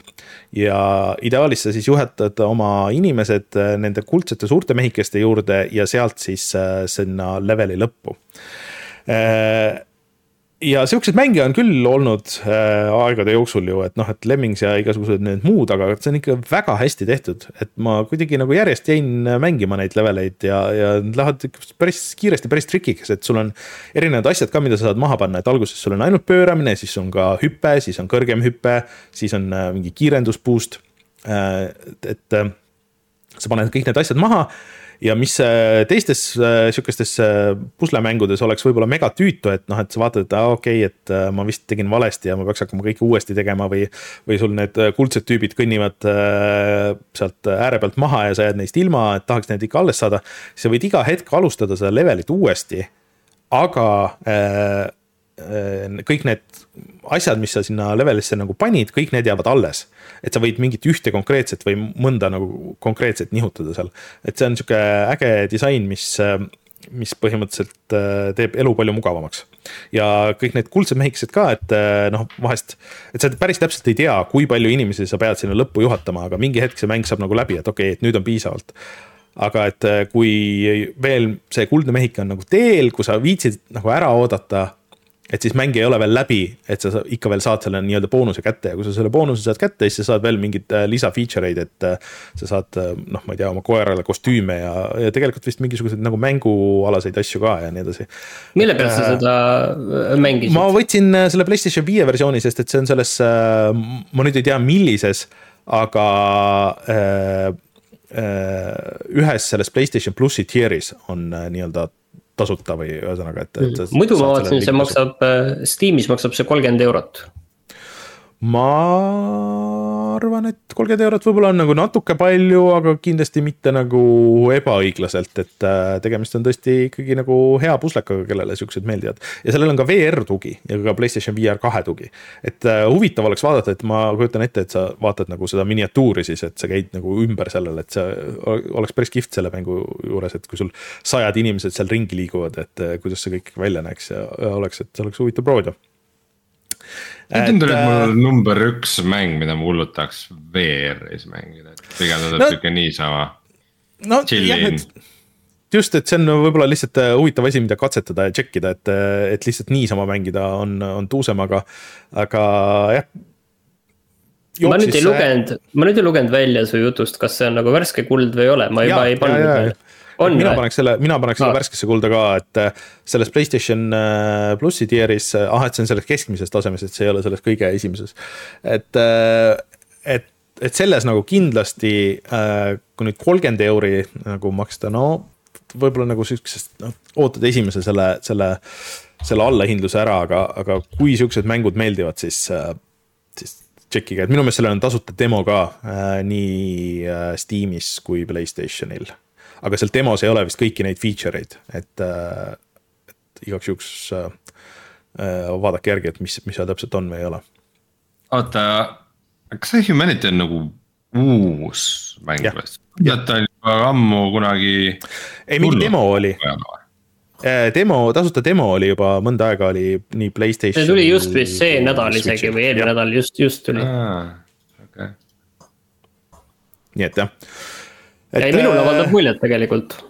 et jah no,, see stuudio, stuudio on teinud ju väga ägedaid äh, puslemänge, nii et, et, et oskused selleks on, on kindlasti olemas Äh, vot, need olid minu mängud, aga ma saan aru, et Martin, sina oled Resident Evilis äh, ikka veel kinni. ma tegelikult olen teinud teisi asju ka, aga ma ei hakka rääkima, aga, aga lihtsalt üks asi võib-olla, mille ma tooksin välja, on see, mida ma ei teadnud, on see, et äh, vahepeal eelmisel aastal välja tulnud Heroes of Might and Magic'u sellisele mõttelisele uusversioonile või järjele Songs of the Conquest, et vahepeal sealt on tegelikult tulnud välja ka teine kampaania, mille mm. ma mängisin läbi, et täitsa, täitsa nagu huvitav omade miinustega, aga. Mm. aga noh, ma ütlen igal soovitan, et kes vahepeal on nagu ära unustanud, et see asi on üldse nagu oli väljas, siis soovitan, soovitan seda vaadata, see on mm, siis soorahvas on äh, nüüd, kelle, kelle see kampaania on seal olemas, see kampaania on tegelikult suhteliselt lühike, vist neli, neli kaarti oli vist. Okay. kui palju rasse seal praegu on? mis? kui palju rasse seal praegu on?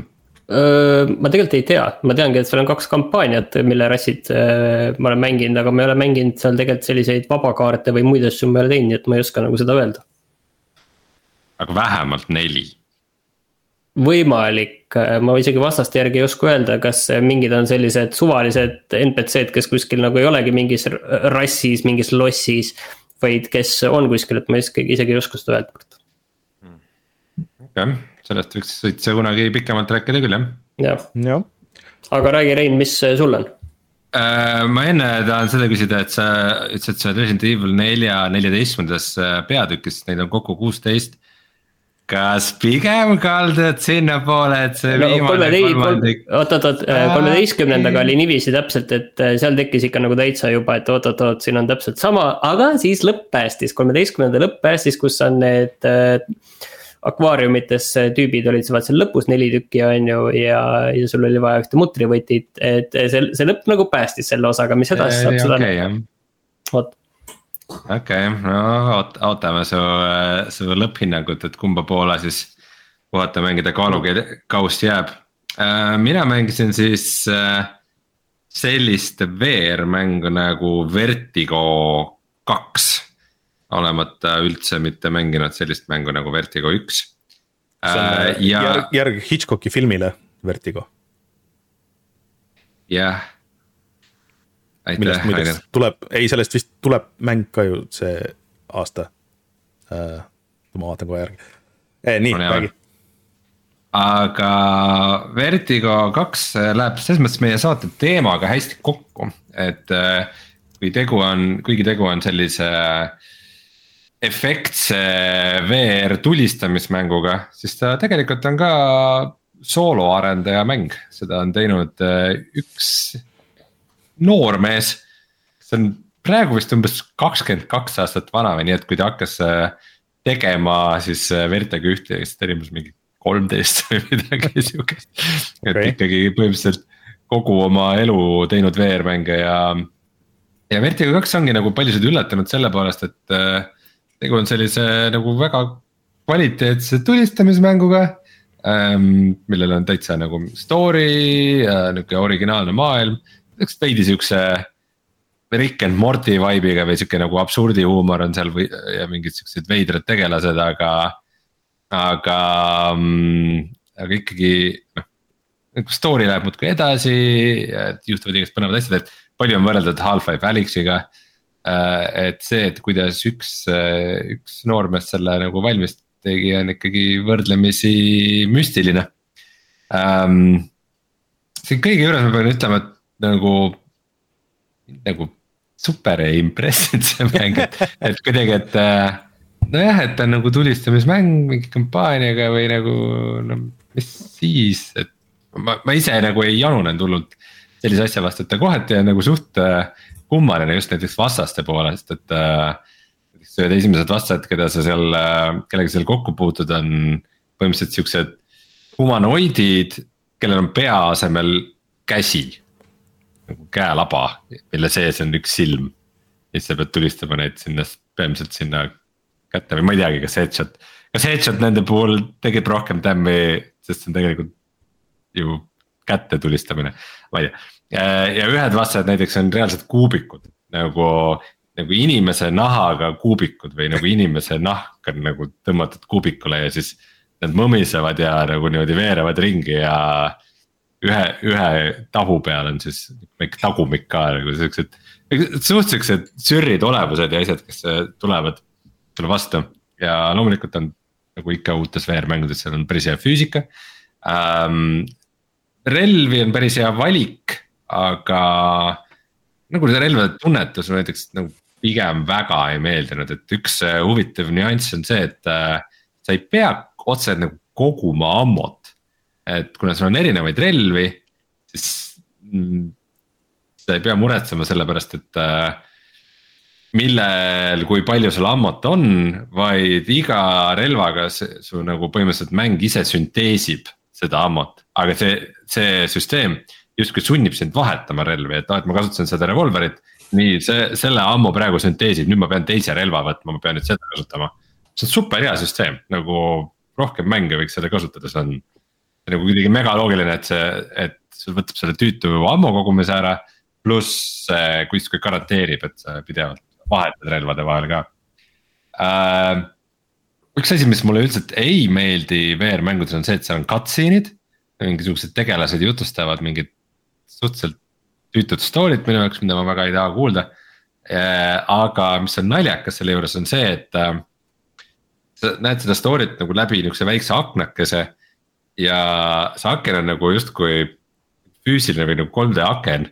et sa justkui saad nagu panna pea lähemale, justkui sul ongi tunne, et vaataks nagu mingit teatrietendust või midagi, et need tegelased on seal ees. et sa ei saa liiga lähedale minna, sa sinna sisse ei saa minna, et siis ta nagu läheb kaugemale. aga selline nagu eri nurkade alt vaatamise või sihuke, mitte isegi nagu 3D kino, vaid nagu sihuke nagu volümeetrilise kino tunne või nagu sihukest lahendust ma pole ka näinud, et äh, ma ei tea, üldjoontes sihuke üsna sürr mäng, ma tahaks seda veel mängida, aga nagu kuidagi jubedasti see ei, ei impressinud ka, et nagu. kas see sooloarendajate mänguga on nagu alati see, et nagu, et oo oh jah, aga nagu selle tegi üks tüüp. see on hea, et me saate nagu lõpus nagu saate lõpus jõuame siia teemasse nagu tagasi, selle sooloarendaja teemasse. minul igal tekkis suur huvi seda Haikude robotit, ma natukene mängisin seda ka tõesti mingi paarkümmend minutit, mul tekkis selle vastu nüüd küll suur huvi ikkagi näha, et eh, mis see värk on. aga, aga jah. ka mina olen, ka mina olen paarkümmend minutit mänginud Haikude robotit mina, mina olen natuke kauem mänginud, aga, aga olen korduvalt äh, vaadanud seda, et äh, et ma peaks selle Switch'i versiooni võtma, et siis äh, suurema tõenäosusega ma mängiks seda pikemalt, et. nii, Rein, aga Vertigo kahte ma ei pannud värskesse kulda.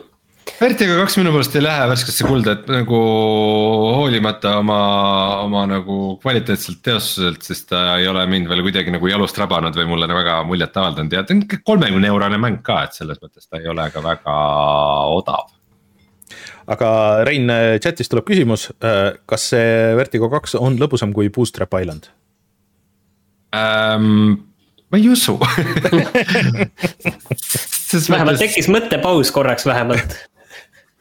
jah, et nagu ma ei tea, minu jaoks on veidikene kuidagi selles mõttes on naljakas, et sellist mängu teeb nagu noor mees et just mulle tundub, et kuidagi sellised mängud on veidi oma aja ära elanud, kus sa lihtsalt lähed mööda story't nagu vaatad cutscene'i ära ja siis lased mingeid vastaseid ja lähed järgmisse kohta, et kuidagi, kuidagi. et noor inimene võiks midagi uut ikka välja mõelda just, just, et ta võiks ikka mingit battle royale'i teha või mingit sihukest asja. no see ei ole ka, Aga see- see... ma tahtsin midagi, midagi tarka selle, aa ei, et tehniliselt töötab väga hästi. et see, see on nagu äge, et hästi terav, hästi kiiresti jookseb nagu. ei ole midagi nõmedamat kui nagu VR-mängud, mis tehniliselt ei, ei ole nagu mingi mega sujuvad, nii et äh, selles mõttes saab muidugi kiidusõnu. Rainer, Aga miks sa Blake'i näitad? ei, Alfred Hitchcocki Aa, ei ole Vertigo o- on äh, täitsa ilmunud kaks tuhat kakskümmend üks ja üldiselt äh, review'd ütlevad, et. et ta on nagu mostly positiive. mis meel. on äh, väga huvitav. Vertigo kaks on overwhelmingly positiive või ausalt öeldes ma vaatasin äh, läbi selle Steam'i review sid ja ma ei leidnud reaalselt mitte ühtegi negatiivset review'd, see on, seda mängu on nagu idiootselt hästi vastu võetud, ma ei saa aru, miks seda nagu nii hästi vastu võetud, kas asi selles, et sooloarendaja peame toetama või nagu. ma ei tea, igatahes äh, lihtsalt, et see, et mina olen nagu veidike leige selle suhtes, et. et äh, tundub, et äh, VR mängu, mängurid on ikkagi väga-väga positiivselt meelestatud äh, Vertigo kahe osas, et selle, selle mainime nagu kohe ära. mis on muide VR maailmas mega segadusse ajav, on see, et tegelikult Vertigo, siin äh, tood oma seda Hitchcocki filmi. et äh, on ka üks suurimaid VR-mängude publisher'e see on siis, kes on teinud Arizona Sunshine'i, After the Falli ja ka muid mänge siin levitavad, et see ei aja üldse segadusse, et Vertigo ei tee mängu nimega Vertigo. Ja mitte isegi ajada Youtube väga keskpärase looga. mitte aga segi ajada ühe vastuolulise CS-GO kaardiga, aga see selleks. et mitte segi ajada äh, kõrguse kartusega, ja mitte mis segi on äh, üks äh, ajada konditsioon, mis sul võib kuuls- tekkida kuulsa kõrgel. indie-koomiksi label'iga. et et mitte segi ajada Okei, okei. Dolly Zoom'i kaamera efektiga, mille Al- Albert Hitchcocki film äh, Vertigo populariseeris aga Rein, sul on teine asi ka kirjas, aga räägime sellest äh, järgmine kord, sest et meil on saade läinud juba pikaks. Martin kibeleb ära minema vist, et kui sa ei taha kiiresti võtta häbeleb kokku, mis on äh, memories from äh, Sebel. Beyond the Coral Sea. äh,. teame, niimoodi vii-, kiiresti ei viitsi seda väga kokku võtta, et see pigem jah, kui jääb järgmiseks, rääkida. jääb järgmiseks korraks ka midagi. selge, aga ma vajutan nuppu ja siis tuleme tagasi ja vaatame, mis on internetis odav. retro, oi, mitte retro.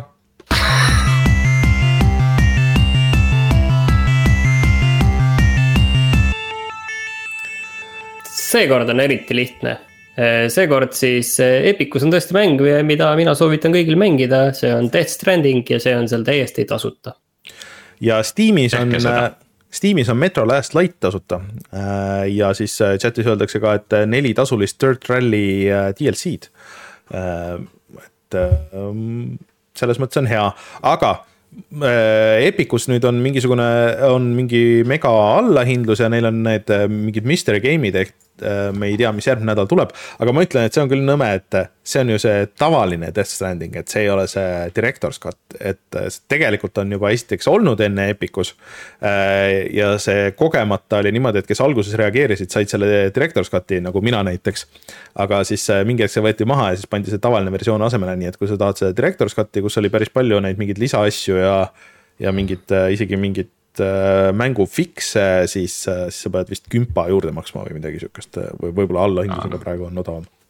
no vähemalt on võimalus seda nagu upgrade ida ühest teise, see asi seegi ju. jah, kontrollil vist oli see, et ei olnud.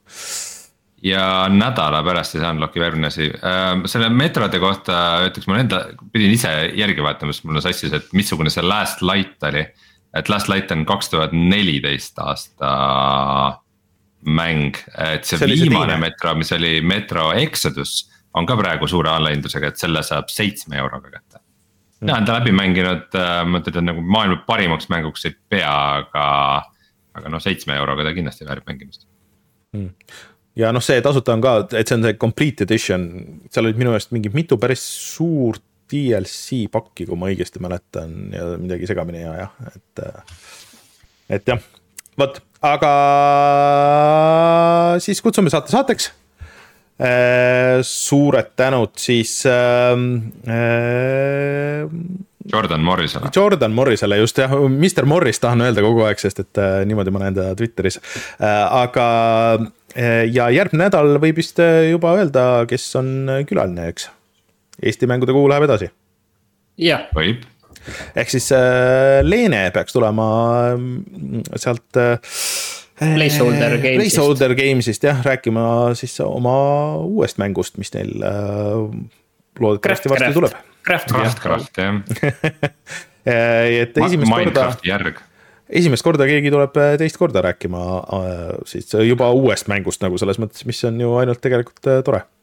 nii mõnigi. tuleb keegi teist korda rääkima et äh, nii mõnigi kord, kui on inimesed käinud rääkimas äh, siin kas oma uuest mängust või mingist uuest projektist, siis see on jäänud ka viimaseks korraks, sest et see, kas projekt on ära kadunud või, või pärast seda mängu on nemad aru saanud, et mängud ei ole nende jaoks või midagi sihukest äh,. muide, ma kasutaksin ka võimalust ja promoks ühte oma väikest kirjatükki, lisaks sellele, et, et no, Martin sundis jõuga mind digisse kirjutama BSVR kahest. Siis ma esimest korda elus kirjutasin Sirpi, siis mm. arvustuse äh, sarjale nimega Last of Us et siis äh, mõtisklesin sel teemadel, et mis teeb sarjast sarja ja mängust mängu ja kumb on parem. et äh, veebist saate kõik sellele ligi, ei pea isegi seda paberleheni minema, kuigi seal vist on ka. ja, äh, võtke ikka paberleht, kui võimalik, toetage paberiajakirjandust nii palju, kui seda on. Äh, ja siis digi ka, et siis äh, et me ikka, ikka veel kirjutame sinna aeg-ajalt, äh, Martin vist rohkem kui me teised, aga, aga ikka, ikka kirjutame. vot, aga kutsume siis saate saateks, aitäh kõigile, kes meiega täna olid, aitäh adminidele ja järgmine nädal mind ei ole, nii et Rein ja Martin peavad saama kahe peale hakkama loodetavasti siis olge saavad. valmis, et saade läheb äh, laivi õigeaegselt. ahah, ahah, äh, kui, kui äh, mul on tehnilised viperdused, siis, siis vaatame, kuidas, kuidas teil on, aga no,. ma otsustan kohe, et ma ei tee mingeid asju, et noh, Martinil pole heli, mis seal ikka ei ole, siis ei ole aga mina peaksin olema tagasi nädal pärast seda, loodetavasti vahepeal saame välja ka mänguvideo, nii et kõik läheb ikka edasi, tšekkige Patreoni ja tellige kanalit ja kõiki neid muid asju. mina olen Rainer, minuga Rein ja Martin, kohtume järgmisel nädalal teistega, tšau. tšau. tšau.